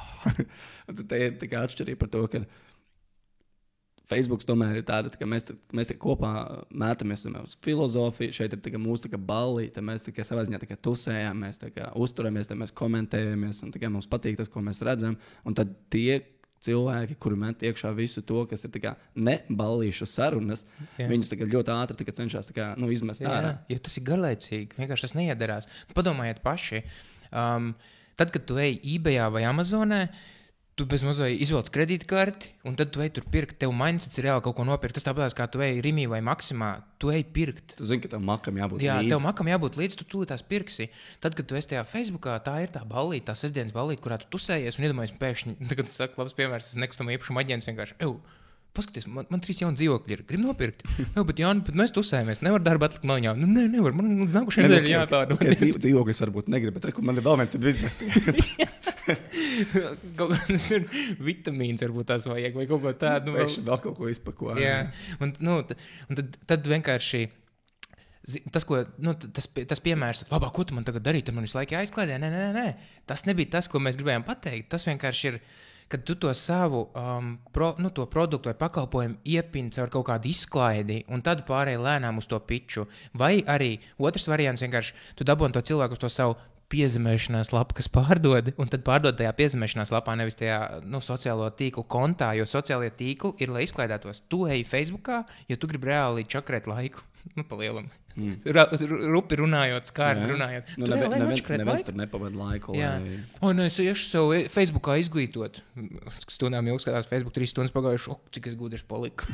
Tagad es zinu, ko nopirkt. Neviens, neviens neatcerās Facebookā, kur kaut ko aiziet nopirkt. Jā. Es tā domāju, ka neviens neatcerās. Es nezinu, pilnīgi nevienu vietu, kuras iet, lai Facebookā kaut ko nopirkt. Nu nekad, jā. nekad neesmu gājis. Jā. Un tāpēc, un tāpēc arī nu, vienkārši tas, ko es stāstīju par tām reklāmām. Marketplace, laikam, vienīgā vieta Facebookā, kur es eju apstīties, lai kaut ko nopirktu. Nu, ir tāds jā, sadaļa, tas- kur tas tikai, labs ir, tikai SLV, tikai, nu, tas, jā. Jā, nu, ot, bet tad tu, ej, tu, tu, tu, tu uzspied uz to, un tad jā tu nu, konkrēti skaties. Tur es tā kā labi aiziešu kaut kur, kur maksā vēl kā.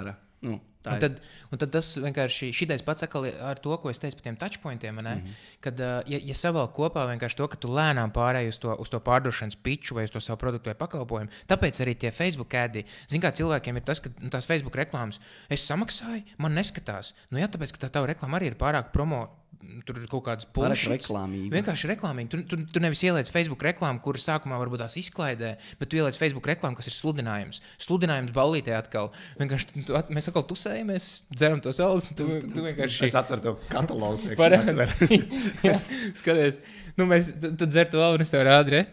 Pirkšu to? Nepirkšu. Ok, no, no, Man, no, man, šie, man šie trīs cenu plāni. Paiet vēl pusstunda, es atkal to tev tagad.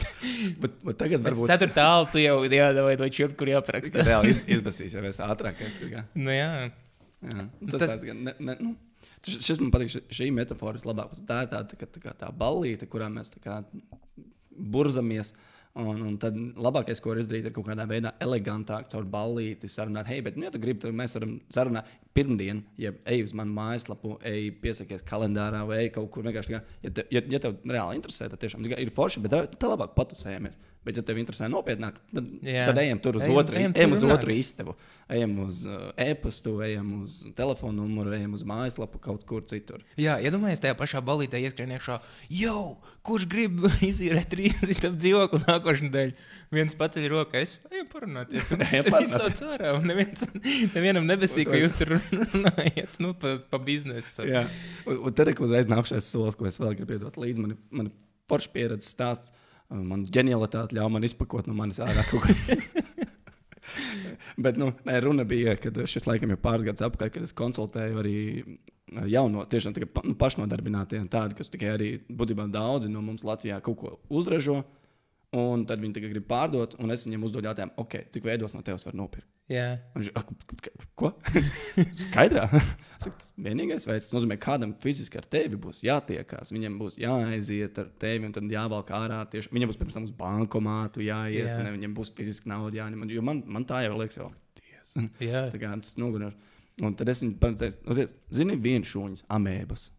Ir amēba. Kas viņa tur ir? Nu, pat šūna un kodoliņš. Viņai nav rociņas. Viņa Lēnām pelna pa savu šūnu šķidrumu. Un, un viņai nav rociņas, viņa neko nevar paņemt. jā uz ko nav- vēl? Un redzam, te ir tas. Zini, tas jautājums, cik veidos tu vari, nu, cik, var samat, cik veidos tu vari paņemt naudu. Un tad Jā. es prasu, ok. Tad es parasti prasīju, ja tu esi tagad amē, un tas bija cilvēks, kas teica, tu esi tagad amē, to no rociņas, tu nekādi nevari paņemt samaksu no cilvēka. Jā, Un tad tieši tas bija, un tā kā, kā, nu, redzēju, ok, skaidrs, tad es parādīju, tev ir viena rociņa, tev ir skaidrā. jā. Tad tikai tu esi amēba ar vienu rociņu. Un es parasti kur tev citas rociņas? Jo amēbai jau apkārt tāds bārtiņš daudz. Tikai Cik daudz rociņas tu vari kā dabūt, kura, kuru veidos tev var cilvēks samaksāt. Un tad es domāju par PayPal. Aha. Kas tas ir? Jā. sašķobās smadzenes. Okay. jā bet pēkšņi uzrodās ideja par vēl vienu rociņu. Vai es domāju, ka tev var pārskaitīt? Nu, it kā jā, bet tu tur vajag rēķins vai tur vajag pazīmes. Jā, bet es būnu ideja par trešo rociņu. Vai es domāju, ka tev var nu, ir visādi bankas pasūtījumi vēl vai. Būtībā te jautājums par to, ka ir cilvēki, kuri tagad jau nesā līdzi no nekustamā īpašuma aģentiem, pat tas varbūt kaut kādiem ir. Kad karš lasītājs līdzi ir tāds maziņš. Šis maziņš ir. Vienkārši tā tie notiek vārds ziedojums uz ielām, varētu karš lasītājs sākt nesāt Tas līdzi. vecais triks ar tiem kontrolieriem, oi, man tikai kartē nevar sodu samaksāt. Tā, tā tas uzreiz izvēlēt. Jā, izvēlēt karš lasītājiem. ne? Nu, Tieši par to, tā kā, cik daudz. Nu, tas būtu, jā, jo šis ir vispār ne, šis ir ļoti aktuāls jautājums tiem, kas uh, visu tos supdēļus izīrē, kas izīrē visādus šos. Uh, Kanoē izbraucienus, jo būtībā parasti jau cilvēks aiziet. Kā, nu, okay, tu jau nemaksāji, vai citreiz maksā, bet nevienmēr maksā pirms tam. Ir sevišķi tas, tas, kad 15 cilvēki sanāk kopā un mēs tagad iesim kanoēt pilnīgi sveši cilvēki. Ar to esi tas, kurš tās laivas ir atvedis. Daudziem no viņiem varbūt skaidrā nav, nav līdzi, lai to maksā. Ja tu vienkārši paņem izolāciju ārā, pum, tos mazliet karš lasītājs. Pīp, pīp, pīp, pīp. No visiem tikai savāc cash un viss braucam. Nu, tādā ziņā te ir runa par to, vai tu esi amēba bez rociņām, vai tu sāc domāt par tiem veidiem, kas tavā tajā vidē, tavā biznesā ir tas nozīmē. Ja viņi nāk pie tevis un viņi jau zina, ka tev tāpat jāmaksā skaidrā, tad, nu, ok, tu esi ietrenējis viņus. Bet, ja tu negribi ietrenēt, tad ir vērts padomāt par tādiem nu, vairākiem veidiem, kā, tu, kā var samaksāt. Ir sevišķi, ja tev kaut kādi juridiskie klienti plānojas būt, jo viņiem visiem vajadzēs rēķinu. Tas kā likts, un, ja nekad vairāk nav, ver vaļā Excel. Paņem rēķinu formu, saliec Excel un viss sūta projām, saglabā atsevišķu mapē. Ja tagad pat nevajag, nu, tu, tas viss to nevar, nu, nevajag visu taisīt Excel, ir tik tie soft arī daudz, kur tur uzreiz jau tas rēķins tiek uzģenerēts, vienkārši iespēja ierakstīt un viss, un tad aizsūtās viņam Arī. PDFs. Tur. Nu, tas, tas atkarīgs no tā, cik ļoti tu gribi izpalīdzēt savam, savam klientam, Atvieglot nopirkt no tevis. Jā. Cik ļoti viņam grib izpalīdzēt. Jau zini, kā, nu, mans beigās čakars pirkt ir, tev ir nauda, nav man skaidrs naudas. Labi, tad uh, brauc pakaļ kaut kādai naudai. Kur tuvākais bankomāts? 15 km tur uz to pusi. Okay, labi, šis, nu, kāda iespēja, viņš atbrauks atpakaļ, vai ka viņš vispār pirks no tevis? Nu, nekāda. Jā. Un tad cik daudz cilvēku tādu aiziet garām? Nu, šis ir labs piemērs, jā, audzē tās rociņas vairāk. Tieši tā, tikai tas, tas, tas ko es saku, neesi jāmēģina audzēt rociņas. Jā. Šis ir tieši par to. Ja, ja, ja tev tikai viens veids, kā tev var samaksāt, iespējams, ka tu zaudē uh, kaut kādu klientu, un es, es bieži nesaprotu tie, kas taisa tīrdziņus, kas ir dominās vai spicē, un visi šie gada tirdziņi un tie cilvēki ir apkārt. Viņiem ir, viņi ir sagatavojuši labu, labākos labumus, kas ir. Tur ir mēdī un kūkas un mandeles, un ko tik viņi nesagrauzdē, un tur tik daudz kas ir, un tur zeķes ir sādījuši. Karša lasītājs viņiem nav. Jā, A, kas tas tāds? Nu, kas tas tāds? Tikai 15 eiro, vai tagad man liekas, pat vēl lētāk. Samap ir ļoti labs uzņēmums. Man patīk, tagad viņi tā kā, man arī digitāla karte, nu, kā digitāla karte, lai var samaksāt mājaslapā. Jā. Nu, vienkārši ar karti samaksāt mājaslapā, un es izmantoju viņu sistēmu, man ļoti patīk. Un, un, un viņiem ir rītīgi lēti. Tu vienkārši nopērci maziņu tādu, maziņš tāds sodiņš. Vienkārši viss tur 5x5 centimetri. Mm. Tu paņem uz savu tirdziņu līdzi. Un tev tas cilvēks, kurš nenēsā skaidro naudu līdzi, tas viņš varbūt netīšām aizgāja. Es esmu tik daudz reižu bijis, es eju un skatos, būtu viņš arī nopirkt tikai skaidrā. Mm. Un es vienkārši es saprotu, ka neviens no tiem cilvēkiem nedomā par to, cik daudz klientus un cik daudz viņi savus tās. Min, Cik daudz naudas viņi pazaudē, tāpēc, ka nav, nav tās rociņas. Viņš nav izdomājis, es tagad esmu mamēja ar vienu roku, un es tāds tagad palikšu mūžam, jo tikai otru roku audzēt ir grūti. Jā, bet vajag. Nu, jā, tieši tā. Jo-. Un arī un šis pats arī tajā pašā mājaslapā, nu, kad bieži ir tas jautājums, nu, kad, nu, vai var no uzņēmuma, vai var to, vai var šito. Tam visam ir jābūt atrakstītam. Jā. Un, tas, un to visu var izdarīt tajā pašā um, biežāk uzdotajā jautājuma sadaļā. Nobrauc lejā, kaut kas nav, nobrauc vēl tālāk lejā, tur ir biežāk uzdotie jautājumi. Kas, starp citu, strādā arī kā iebildumu pārvarētājs. Nu, kad vienkārši, ja man nav laiks, tev atradīsies laiks. Nu, visi tie, kas, kas ir parasti mm. biežāk uzdotie jautājumi, ir reāli iebildumi klientu, Jā. nu, kas, kas ir vienkārši Jā. pēc tāda, tādas pieejas. Es vēl par tiem tirdziņiem vēl pieminēšu klāt. Iedomājieties, tev paiet garām dienā 50 cilvēki, un 10 no viņiem no tevis būtu nopirkuši kaut ko par 10 eiro, bet tā kā tev nav karš lasītājs, tev viņi nenopirka. Nu, tas ir kaut 100 eiro, tu palaidi garām. Jā, tu samaksāsi PVN, ja tev ir PVN maksātājs. Tagad, jā, tu samaksāsi kaut kādas tur pusotra procenta komisiju. Nu, par to, ka tu izmanto karšu lasītāju, vai ne? Varbūt kaut kādu mēnešu maksā vēl tur 10 eiro. Tagad paņemam to visu nost, ok, tu 25 eiro tev ir mazāk no taviem 100, vai ne? Bet beig beigās tev ir jāskatās, ka tas tomēr ir 75 eiro klāt tam, kas tev nebija. Jā. Jā, tev ir jāsamaksā daļa no tā visa, tāpēc ka tā sistēma tev strādā. Tagad tev jāmaksā komisija par to, ka tev ir rociņas Nu savā jā. ziņā. Bet tajā pašā laikā tu saproti, ka tā roka tev ienes vairāk. Un šis tik bieži, es saprotu, ka Lat... nu, nevaru tas nav tikai Latvijā, tas viss kaut kur ir. Mēs tik daudz skatāmies uz to zaudējumu, to, ka, ah, nē, man tur PVN jāsamaksā, un tad man tur būs tie pusotrs procents. Tur jāmaksā par to, kas vispār to karti izmantoja. Tas ir beigas tik daudz, bet mēs nepaskatāmies, ka mēs varam 90% no tā visa tā tomēr paturēt savam uzņēmumam. Tieši tā. Nu, jā, un, un galvenais, ka tu tagad saki, tā ir viena diena. A, tagad pareizi Tā ir viena diena, jā. Vienkārši, nezinu, ar trīs nedēļām, pieņemsim, gadā. 30 reizes reiz tie 75 jā. eiro vai reizes 100 eiro. Nu, tie pār par 500 Jā. tūkstošiem. Nu, vai 52 nedēļas, ja tu katru nedēļu brauc to tirdziņu. Nu, gan jau, ka viss nebrauc katru nedēļu, bet Jā, vispār. nu ir jau hardcore, kas brauc. Nu, jā. Nu, jā. Bet es, es saprotu, ka gribās labāk skaidrā, jo skaidrā nauda tomēr tā, kas tev ir. Bet te pašā laikā ir tie cilvēki, kurus tu palaidi garām. Jo tāpēc, ka viņiem nav skaidrā. Iespējams, viņš savu pirkumu pieņem lēmumu.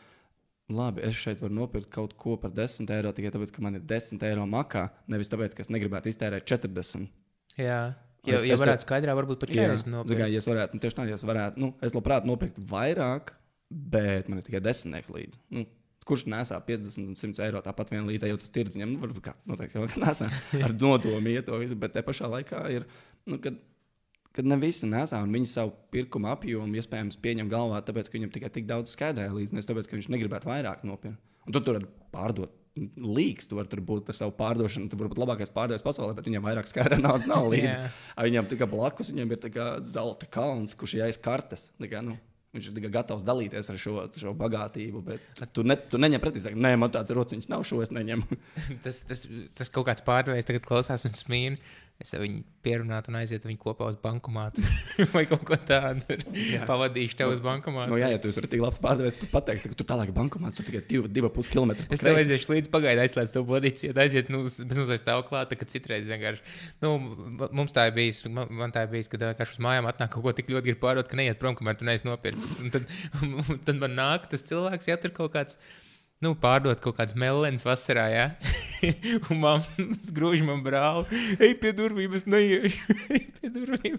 Un tam manam brālim jāsaka, ka neko nevajag, jo man mamma nevar pateikt. Jā, nu, tā. nu, ceļš grūti tiem, kam ir grūti pateikt. nē. Jā. Jo, jo mums liekas, ka pasakot, nē, mēs esam riebīgi, bet mēs neesam. Mums, ir, mums kā tautai ir jāiemācās pateikt nē, laipni. Paldies vēlreiz. Neinteresē. Šis nav tas, ko es pirkšu. Tu esi tik malacis, turpini tādā garā. Tā kā, man patīk, kāds esi pārdevējs. O, tu ļoti labi, nu, manā gadījumā tu ļoti labi izmanto šo tehniku. Es jau varu pateikt, ko, kādā veidā tu mēģināsi man pārdot. Es vienkārši tik daudz to lasīju un apgūstu, kas vienkārši atšifrē. Bet tas, ka nu, tev baigi labi izdevās, forši tāds, laba enerģija. Es noteikti nepirkšu, man pilnībā neinteresē tagad. Es nezinu, īsti interesēs nāk. Nezinu, es spēju to laipni, esmu uzbūvējis to pārliecību par sevi, ka es varu laipni atteikt. Jo tas, tas, kas ir jāiemācās, nav jāiemācās tagad atšūt pārdevēju. Nu, nav jāiemācās būt riebīgiem, bet jāiemācās vienkārši laipni pateikt, nē, ka nu, tas nav pasaules gals. Tagad man neatraidīja uz mūžu. Bet vienkārši beigās jau viss ir forši. Tu esi, nu, tu esi mācīts, es saprotu, ka tu cīnies, tikai pārdošanu, tu uzņēmies šo kā savu biznesu vai nu, to tādu to dzīvošanu. Jo, jo, jo tas jau arī nu, tad, tajā brīdī, kad tu iemācīsies pateikt, nē, tu arī taupīsi laiku tam pārdevējam. Viņš tev nemocīs, viņš tev nezvanīs, tu viņam būs pateicis, to nē. Nu, tas, tas, ko mēs esam runājuši, nekad no tās pārdošanas var iziet, jā, nē vai, vai tu vienkārši kā pārdevējs dabūji mācību. Bet, Kā, puses... Kāds noteikti teiks, sorry, kāds teiks, jā, bet ja viņš otro reizi un trešo reizi nē, un tad viņam otru un trešo reizi pasakā, nē, joprojām īsti neinteresē. Nu, jā, bet, jo, ja, bet ja tu pirmā reize at, atteiksies un pateiks, nē, nevis tu melos, ka tev jāpadomā vai tev jāparunā ar sievu, tad jau viņš tev arī zvanīs. Bet ja tu viņam mm. pateiks, reiz, nē, sorry, man neinteresē, šis nebūs laikam kaut kas, mm. kas man vajadzīgs. Viss viņš tev vairāk. Nu, Jūs abi ietaupīsiet laiku. Un tev nebūs visu... jāslēpjas aiz rokām vai aiz stūra nākšais, kad ieraudzīsi to cilvēku. Jā. Jo tad, ak, Dievs, kur tas atkal nāk, tu tas pārdevies. Es neiešu tajā veikalā. Jā, jā, ko viņš par mani padomās, vienkārši li, liena aiz jākas vēl kaut kur projām. Jā. A tā vietā vienkārši, ja tu zini, ka nāk pretī, viņš pasās tev, ah, jā, reku, tas tas cilvēks, kurš laipni atteica. Tas man liekas, stilīgi. Nevis tur tas cilvēks, kurš samelē, un tagad viņš redz, ka viņš ir mūks. Tieši tā. Tas, tas, ir, tas, ir, tas ir grūti. Tādā ziņā. Te, te par tām attiecībām, tas, ko mēs runājam. Kā, būt, būt cilvēcīgākiem, būt cilvēcīgākiem. Pat teikt, nē, ja mums gribās teikt, nē. Jo, jo varbūt pat tagad, tajā brīdī, nu, kā, ja tu no, tomēr notur tās attiecības normālas, es arī pats no savas pieredzes to varu teikt, ka, nu, man bija tāds, es biju tāds pušī, vai ne? Es gribēju vienkārši, es zināju, ja, es, ja es, man būs tikai viena iespēja pārdot šim cilvēkam, un tad es beigās biju pušī.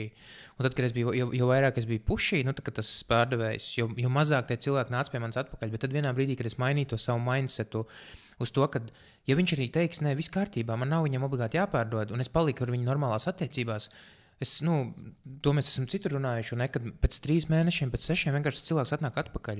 Kaut kas pamainījies, viņam varbūt tās uzrādījis vairāk laiks, ir, vai varbūt tās viņam nu, uz, uzradušies līdzekļi, plus no nu, es vēl taisa kaut kādas follow-ups vai kaut ko tādu. Un viss vienkārši. Viņš man atcerās, es tomēr gribu tās melnas būtnes. Jo tev jau, iedomājies, ja jūs beidzat uz tādas nepatīkamas nots, nu, kāda iespēja, ka viņš tev atbildēs tavām ziņām, ja tu taisīsi tos follow-ups. Bet, ja jūs beidzat tā uz, uz pozitīvas, piemēram, ja viņš pasaka, ka nē, tagad man neinteresē, viss kārtībā, pēc trīs mēnešiem Vai, vai vēlāk uzrakst, varbūt tās paiet vēl kaut kāds laiks, varbūt viņš pats uzrakstīs, jo viņš atcerējies, ir, kad, nu, ka viņam tomēr tās, tā sajūta bija normāla. Es tikai piekrist. Ir, es pat vairs neskaitu, cik daudz reižu ir bijis, kad cilvēks, ko es kaut kad esmu saticis, pastāstījis, ko es daru, un paiet kaut kāds pusgads, gads vai pusotrs gads. Viņš kā, pēkšņi no kurienes viņš uzrodas, hei, rekomendēšu tas ten, kā, man liekas, šādu lekciju novadīt. Un, kā, es saprotu, ka šajā tēmā orientējies aiziet, ka budžets mums ir 250 eiro. Viss. Yeah. Tas ir cool. Kā, man liekas, nav bijis. Kaut kad esam runājuši, vai nu es esmu kādreiz kaut ko piedāvājis vai teicis, ko vienkārši no zila, it kā no zila gaisa, bet izrādās, cilvēks mani zina. Viņš tikai mani zina, jo tas saturs tur ir. Viņš mani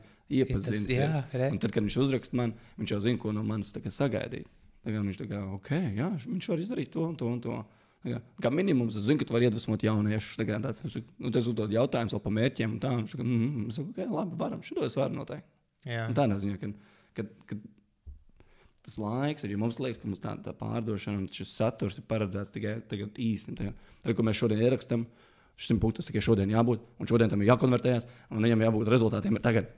Bet reāli šis, ko mēs šodien runājam, ļoti iespējams palīdzēs kādam jaunietim pēc pieciem gadiem, kad viņš patreiz viņam 17, viņam būs 22. Viņš sāks domāt, hei, kā, kā, kā jāsāk domāt par klientiem, kā, kas tas ir klienti. Un viņš varbūt piecus gadus vēlāk uzdursies uz šo sarunu, un viņš tikai tā, oh, Inčīgi. Jā, jau jānoskatās. Jā, oh, jānoskatās līdz galam. Un, un ir kaut kas tāds, kāda uzņēmēja zona ir. Tāds ir, ko viņi tur dara, ko viņi tur zonējās. nu, jā. Nu, ot, un tad vēl savēlkot kopā šo te visu, kā tev liekas, kas būtu tas svarīgākais, nu, ko, nu, ko, ko mēs pēc tā visu, ko mēs esam izrunājuši, kas tas svarīgākais, kas cilvēkiem būtu jādara vai jāsaprot no tā visa. Nu, jādara reāli, kas tie darbības soļi. Ja tu neesi online pasaulē, savā ziņā neeksistē. Tad uh, tas svarīgākais ir tiešām atrast to formu, kā jau minēji. Vai nu tas ir kaut ko rakstīt, vai nu tas ir taisīt video, vai nu vienkārši audio ierakstīt. Bet sākt radīt saturu, kurš, nu, kur tu vari runāt, kā, vai, kurā tu orientējies, Nu, ja tu esi eksperts kādā zonā, ideāli, jo tad tev nu, ir ko teikt. Un vienkārši sāk radīt saturu, lai, ja iemeklē, meklē tavu vārdu, uzvārdu, vai ja meklē tavu uzņēmumu nosaukumu vai to, ko dari, lai tu esi vismaz Google. Jā, Nākošais jau pēc tam jau tur avansētāk, ko taisīt tās pašas Facebook lapas, Instagram, Twitter, mājaslapas un visu to pārējo, bet vismaz to pašu pamatu. Ja kāds meklē Google, tur skaistas koka pirtis, nu kā, un lai vismaz var atrast, ka tas ir tur Jānis Bērziņš no Preļiem un skaistas koka pirtis, un viņš īstenībā par to ir izstāstījis. Viņš pastāstīs, kāpēc tur četri koku veidi ir labākie, un Jā. jā, kāpēc nevajadzēja karsēt vairāk par 95 grādiem kaut ko. Nu, viņš vienkārši apstos, nu, ka, wow! Jā. jā. Un, un tas ir tas. Un neviens cits pirtnieks par to nerunā, un tu skaties, ka Jānis runā, nu kas, kuram lai zvana? Nu, jā. Jā. Laikam jāzina Jānim ir, nu viss. Jā, jāzina Jānis. Jā, tāpat, ja es nenopirkšu no Jānis, Jānis es zinu, ka viņš orientējās. Es varēšu viņam pakonsultēt vai kaut ko. Es varēšu pateikt, Jāni, no tevis es nopirkt nevaru, jo es esmu liepājā, es gribu kaut ko tuvāk. Bet es gribēju labprāt tev samaksāt par konsultāciju, lai tu man pastāstītu, no kā man jāizvairās, piemēram. Nu, Jā. kaut, kaut vai vienalga, tas var kaut kādā citā veidā orient, nu, kā transformēties. Bet eh, galvenais ir pastrādāt pie tā, ja tavu vārdu vai uzvārdu vai biznesu ierakst Google, lai tevi var atrast. Un ideālais, ja reiz tevi atrod, tad tas cilvēks var saņemt kaut kādu saturu, tekstu, video vai audio, vienalga kaut ko, kurš atbilst tam. Kurš ir, kurš ir par to tēmu, kurš ir par to situāciju, un ja vēl tu esi personība, kurš kā saprot, ko runā. Tad vēl jau labāk, jo izveidosies momentāli tās attiecības. Es, tagad, es tagad sapratīšu, ka tas Jānis, Rubija, papirtīm. Jā. Kaut, kaut kas varētu notikt. Tad, kad es tur tik zināšu, ka man vajag atbildēt par pirtīm, es zinu, kur es eju. Tā. Tieši tā, jā. Un, uh, un, un vēl viena lieta, nu, ko es no savas puses manā. Um, tajā brīdī, kad tu jūti, ka tu sāc atkārtoties, tas tajā brīdī tu saproti, ka tev ir jāuztais saturs par to tēmu. Jo, jo ir tā, ka, nu, es, piemēram, arī ar, atkal no tās pašas pārdošanas pieredzes, un eh, man ikdienā nāk tik daudz cilvēku, nu, tad, kad es uh, strādāju ikdienā, nu, face to face pārdošanā, un viņi laiku prasa viens tos pašus jautājumus. Nav normāli, ka viņi prasa viens tos pašus jautājumus, un es laiku tikai vervelēju uz riņķi, tur brr, brr, brr, maļ, maļ, maļ. par to. Jā, nē, nu, ne, ne, ne, vairāk nevis dusmoties, bet nu, vienalga kaut vai dusmoties, vai arī vai tu vienkārši tu, tu, tu saproti, ka tu saki vienu to pašu. Ieraksti saturu par to, uztaisīt mm -hmm. video vai uzrakst blogu rakstu. Un tas cilvēks, ja nāks pie tevis, viņš jau zinās to informāciju. Tas nozīmē, ka jūs esat tuvāk tai, tai darījuma noslēgšanai, jo viņš jau ir sagatavojies. Viņš zina, viņš atrada kaut ko par tevi, viņš ir sagatavojies par to produktu. O, tev viņa vairāk nav nu, jāizglīto Jā. tik ļoti. Tas ir viens. Šis, šis ļoti labs kriterijs. Jā. Es gribu pateikt vēlreiz, nu, ja tu visu laiku atkārtojies par vienu to pašu tekstu, ieraksti to video. Palēt. Tas nenozīmē, ka tu neatkārtosies. Jā. Bet tu zinās, ka tas arī ir video formātā, kāds to var uzzināt. Bet kaut vai, kaut vai pieņemsim, kā piemērs, iedomājieties, tagad tā ir. Tu, tu, nu, tu arī teici to, ka uh, kāds ir nu, paņēmis to lekciju no tevis, vai ne? Mm -hmm. Un uh, tu gatavojies tai sarunai, un tu redz, ka varbūt tās kādas no lietām, ko viņš grib risināt, ir tas, ko tu jau esi runājis video. Iedomājieties, tu viņam ir aizsūtījis to video, vai, vai šī, piemēram, šo podkāstu, es to daru jau. Jā, un, visu, un viņš labāk sagatavojas. Un tajā brīdī, kad jūs jau runājat, jūs jau varat ķerties pie lietas, bum, viss notiekās. Mm. Un tas ir itī svarīgi. Tā ir viena lieta, kas jāsaprot. ne? Un otra lieta, kas man pašam ir aha moments, kad uh, kaut kādu laiku atpakaļ es nerunāju vispār neko par pārdošanu. Es vienkārši skatījos, kā citi runā, un es arī besījos, ka citi runā par pārdošanu, par mārketingu, un viņi vienkārši sarežģīja visas tās lietas. Un tad es sapratu, ka, es, nu, tā kā es teicu, es jau nevaru uz viņiem cepties, es pats to nedaru. Mm. Un tad, tad, kad es sāku par to runāt, tad mani neņem pa pilnu. Es to arī š- šodien runāju tieši savā podkāstā, ka neņem pa pilnu, tāpēc, ka es par to neesmu runājis. Es esmu vienkārši kaut kāds svešinieks, kurš tagad atnāca pēkšņi izlīdz nu, nu, no akmens apakšas un tagad sāk runāt par pārdošanu. Kas tas tāds, ko tas čels par tur nu, kaut ko runā? A citi, kas nav tik avansēti, runā, un es saprotu, ka viņi nav tik avansēti. Tu zini, kas tu esi. Bet uh, nav tik avansēti un runā lielāku sviestu. Pārējie viņiem vairāk uzticās tikai tāpēc, ka viņš ir ilgāk ka pieejams. Jā, viņš ir pieejams, viņš par to runā. Ja viņš vairāk runā, tad viņš saprot, tad viņš ir eksperts. A, ko tas tur, tas mājas tur kaut ko vārās, un ne, viņš neko nesaprot. Nu, viņš divus video uztaisīs ir un tādā Jā. garā. Tāpēc tas arī nu, man pašam, es, nu, kā jau teicu, ir tas aha moments, kad, ja tu kaut ko zini, bet tu slēpies, nu, tā, tā kā glabā to informāciju pie sevis, neviens nezina, ko tu zini. Vienkārši punkts. Viss. Ja tu arī esi krūtāks fitnes treneris par tiem citiem fitnes treneriem, bet tu to nevienam nestāsti, neviens tev vienkārši, nu, neviens to nezinās. Viss, bet tā arī, nu, tas ir tas lielākais, man liekas, nu, tāds.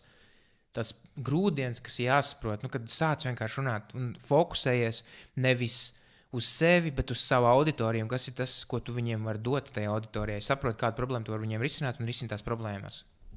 Palielam, ne? Jā. Audzēt rociņus vajag vēl. Jā, pierakstīja. Pierakst vēl viens uh, praktiskais. Uh, viens ir, ka tu sāc atkārtoties tās desmit problēmas, un otrs, Jā. tas, ka arī ko es, nu, tad, mēs kādreiz runājām par tieši pārdošanu, atceros, pirmā reize, kad mēs tev satikāmies, es tev iedodu to, nu, to, to piemēru ar tiem desmit lielākiem stereotipiem. Mm -hmm. Ja tu esi fitnes treneris, kādas ir desmit lielākās problēmas vai lielākie stereotipi? Ar ko tavu klients saskarās. Tās ir desmit idejas, par kurām tu vari taisīt saturu. Ņem pirmo ideju, dod risinājumu, saturs.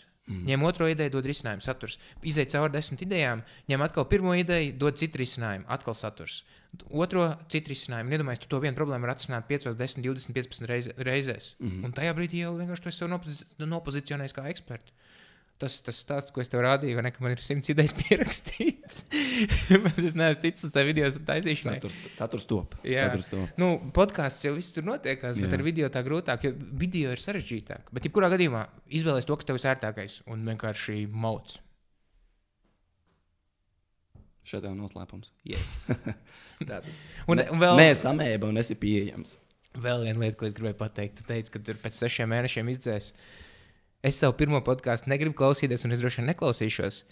Bet es iesaku nedzēst ārā, jo, nu, kā, tad, kad tu, tagad, tu, piemēram, tur runā, daudz var uz tevi paskatīties, nav jau godīgi, Ārim jau labi padodas. Viņš jau viņam labi panā, nu, padodas prezentēt un tā tālāk. Un, un tu jau ilgi trenējies. Bet, ja es varu aiziet uz pirmo tavu video un paskatīties, cik sūdīgi tev padevās, es saprotu, viņš arī ir tikai cilvēks, un viņš to visu ir iemācījies. Un tāpēc es ieteiktu tos visus tos fails un tos citus video. Es dzirdējis, vienkārši, ka citi influenceri par to runā, ka man bija kauns, es izdzēsu. Tas jau ir tas, kas tev padara cilvēcīgu. Tas, ka tu arī esi cilvēks. Un tas tieši vairāk iedvesmo tos cilvēkus, kas negrib sākt, jo viņiem bail, jo viņi būs slikti tajā jomā. Bet, ja viņi redz, ka tu kādreiz biji slikts un tagad tu esi krūts čalis, tad vienkārši tas tev vēl vairāk iedvesmo darīt. Tā kā, nu, es ieteiktu nedzēst ārā. Nu, tā. Es nedzēsīšu arī savus stūvos podkāstus ārā. Pagaidīsim pusgadu vēl. Jā.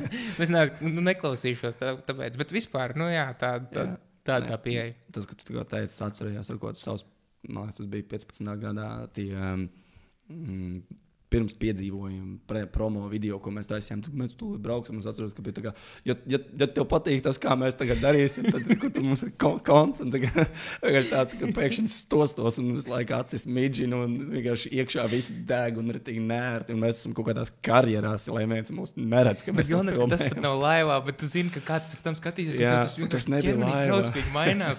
Tas nebija laivā. Un tas bija labākais no video. no tiem idejas. Tas, es sapratu, ka man ir viegli runāt, bet man bija grūti uztaisīt to call to action, saucamo Jā. tieši to video, kur tā kā, un ja tev patīk, tur intro un tad beidzas, un ja tev patīk tas, kā, ko mēs tagad runājam, tad reku, ej uz Facebook, raksti Āris Birsa, komerku, raksti, kā, jo tu gribi sakārtot sevi iekšā, tad tu kā piesakies uz manām konsultācijām, ja tu gribi sakārtot pārdošanu, piesakies pie Mārijas, viņš palīdzēs to visu sakārtot. Yes. Tā kā maksā tos miljonus, varbūt nē, kā, atkarīgs no tā, kāds ir biznesa modelis. Jā, un tad to pirms pieciem, tā, sanāk, sešiem gadiem man es vienkārši būtu nostostījies, man būtu viss sadedzis iekšā, un tagad acis atceros. Un, un Jā. es vienkārši skatos uz sevi un domāju, ak, Dievs! Protams, un tagad to pateikt, nu, kā, vienkārši diezgan skaidri ir. Ja gribi rakstīt, rakstīt, gribi pieteikties, tur, tur ir kalendārs Facebook, tur var pieteikties. Kā pie mājas, nezinu, kur kā tev tagad vispār var atrast. Tu Facebookā visvairāk tev Jā. atrod tagad īstenībā. Jā. Un Un- Facebook, jā. Un, un vēl, vēl ko es gribēju arī pa- pateikt par to pašu, ko tu tagad Jā. saki. Man nekad, um, redz, nu, tas jau ir tas, kas iedvesmo tos citus arī darīt, tāpēc, ka viņi redz, ka tev arī, kā, tu arī kādreiz esi bijis tāds. Un tu jau pats arī saproti, ka, uh, nu, vienkārši. Ja tu to visu attīstīsi, ja tu kaut kādā veidā pats sāc justies droši, tev arī vieglāk runāt ar tiem cilvēkiem. Ir. Nu, tu, mm. Tev pašam vienkārši aug pārliecība no tā, ka tu sāc runāt. Un tev nevajag, zini, kā, ja tu, ja tu tagad klausies un domā, ko tad es kādam varu iemācīt, vai ko tad es kādam varu izstāstīt. Saraksts uz lapiņas visu, ko tu vari iemācīt, ko tu Jā, proti. Bet, bet galvenais, ka svarīgākais ir tas, ka cilvēkiem pat nu, tev nav jā, jāmācās kāds, kurš tev ir priekšā. Tev jāmācās kāds, kurš tev ir aiz muguras. Tev vienkārši jābūt vienu soli priekšā. Piemērs, es esmu runājis vienkārši ar entajām visām nu, jaunajām mamām, kam ir bērni, kurš grib vienkārši palīdzēt. Um, citām mamām audzināt savu pirmo bērnu. Nu, tur kaut kāds coaching, kaut kas tāds, un, un tad viņas nu, tur vienmēr nu, tur cepās, ko tad es varu iemācīt? Un es viņiem saku, ka, iedomājies, tev tagad ir bērns, un ne? Jā, ir, nu, tur nezinu, trīsgadīgs vai piecgadīgs.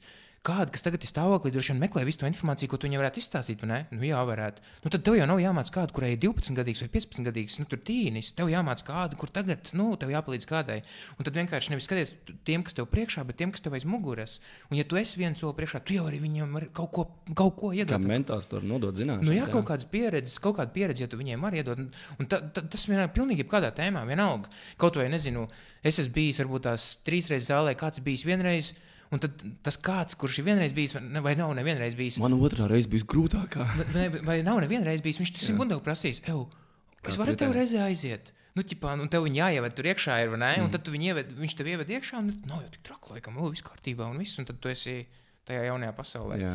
Tā kā, nu, Bet, bet es, šito, es ļoti labi šo tēmu, es domāju, to mēs arī finansēsim šodien. Mēs laikam varam močīt, cik vien, kamēr beigsies ūdens un ēdiens, kas ir apēsts šodien. bet uh, uz lapas, ja tev liekas, ka tu neko nevari izdomāt, tad uh, es atceros, šo es darīju diezgan sen, un es iedvesmojos no Grand Cardona. Varat paklausīties ar to džeku. Viņš pa pārdošanu diezgan daudz no Amerikas. Ir. Uh, Bet uh, es atceros uz lapas, un es uzrakstīju augšā nosaukumu visu, ko es esmu darījis un protu. Un es vienkārši sarakstīju, tur, es vienkārši sāku rakstīt pa punktiem, lai visu, ko es vienmēr iedomājos, es protu, es protu lasīt grāmatu, es protu lasīt ātrāk, es protu uztaisīt bildi, es protu uztaisīt īkšķīšus bildē. Es protu uztaisīt Facebook lapu, es esmu darījis to, man ir pieredze, kā ceļot, man ir pieredze. Es vienkārši sarakstīju, un es beigās apspriedu, man kaut kādas 60 lietas sarakstīju uz lapas. Jā. Un tad no tā visa es varēju izvilkt ārā kaut kādu, ko es jūtos ērtāk dalīties. Un tas bija mans kriterijs, jo es gribēju, lai es varu vieglāk par to runāt, un lai tas tāds nav, neizklausās, ka es tur tik izvairos mūku no tās sarunas, lai man ir ērti, lai es varu no dažādiem aspektiem. Un tad es no tā visa izvēlējos dažus. Un tas man liekas, pat sāk, man bija, man interesēja grāmatas, un es vienkārši kaut kādas grāmatas atskatas sāk taisīt, kaut kad arī tas bija laika apakaļ. jā. Un tas no tā visa, tāpēc, ok, šis man tagad ērti, un šito es varu eksperimentēt. Un tas vienkārši izvēlējos šo tēmu, un tad, kā- ja man būtu bērns, tad es noteikti dalītos tikai kā, kā, es, kā, kā mēs sagaidījām un ieģērbām, un nezinu, varbūt vēl kaut ko. Nu, ja tā būtu. Jā, nu jā, tieši tā. Bet sarakstīt visu un izvēlēties to, ko tev ir visvieglāk, visērtāk. Šito, šito man nebūtu kauns runāt. Nu, būtībā. Jā. Un un galvenais, ka un- un šitajā brīdī jau tu jau arī daloties ar to, ko tu esi no citiem iemācījies. Vari teikt, ko tu esi iemācījies no tās pašas grāmatas. Mm -hmm. Un tas, kad kā, katrs paņem kaut ko savu no tās grāmatas, man ir varbūt interesanti uzzināt, ko tu no tās grāmatas paņēmi. Ja es viņu neesmu izlasījis, varbūt es viņu plānoju lasīt, vai es esmu izlasījis, un es gribu dzirdēt tavu to, nu, to aha momentu no Jā. turienes. Tā kā, jā. Nu, es domāju, ka ir jau pietiekami daudz praktisku uzdevumu. Mēs Jā. jau arī kaut kādu laiku esam Un es norunājuši. ceru, ka arī viņi tiek pierakstīti uz lapām un kaut kad konvertēsies kaut kādā darbā. Un, ja tev tiešām liekas, ka tu bremzē pašsabotāžē sevi, tad vienmēr var pieteikties pie manis. un Man ir zināms arī citi koči un cilvēki, pie kuriem es varu nosūtīt, ja es nevaru tev palīdzēt. Tāpēc tā kā, nedarīt vairs nav atruna mūsdienās. Tā kā tā nestrādā. Jā, Tā Kā, jo visi resursi ir pieejami visiem. Ja tev liekas, ka tev nav pieejami, ir speak easy, un te ir viss, lai tev nebūtu atrunas. Un tu arī, kur jūs sakāt, ah, bet man nav naudas. Vienkārši atvēlcies līdz šejienei. es tev parādīšu, kā var realizēt lietas arī tad, ja tev nav naudas. jā tev vajag citu plānu vienkārši. Nevis Ļoti naudu, bet tev vajag citu jā. plānu. Un tiem, kuriem, šos laikam nevar uzsvērt, cik vien daudz, tiem, kuriem pārdošana nav sakārtota. Vai tas pats, kā mārketinga cikls, bet tā, ja tā rociņa tev nav, teiksim, tā, tad Mairis, šis džeks, jo man patīk, kā viņš struktūrizē to visu, kā viņš var salikt kopā un vienkārši pieteikties viņiem. Jo to kā saka, jā, bet es jau nevaru atļauties. Vai atvēlcies vismaz līdz? Jā. Tagad, lai viņš var uzdot tev pāris jautājumus, un iespējams, tev būs mājas darbs tāpat mēnesim. Tev tikai, tu pat netiks līdz tādai daļai, kur kaut kas jāmaksā. Tev vienkārši būs jau tāds mājas darbs, kas nezinās, kā to tikt galā. nu, tādā ziņā tas ir ļoti svarīgi. Vienkārši, iespējams, nemaz nevajag tik daudz, kā tev liekas. Vienkārši sāk kustināt un kaut ko darīt, un lai cilvēki uzzina par tevi. Jā, un vienkārši prasīt, vienkārši jāprasa. Vienkārši prasīt. Un vēl sūtiet, vēl joprojām gaidām kaut kādus stāstus vai jautājumus, vai kaut kādas tādas lietas uz uzņēmēju.zona.gmail.com. Paldies, Jā. ka klausījāties! Tiekamies nākošais. Čau! Tiekamies nākošais. Jā.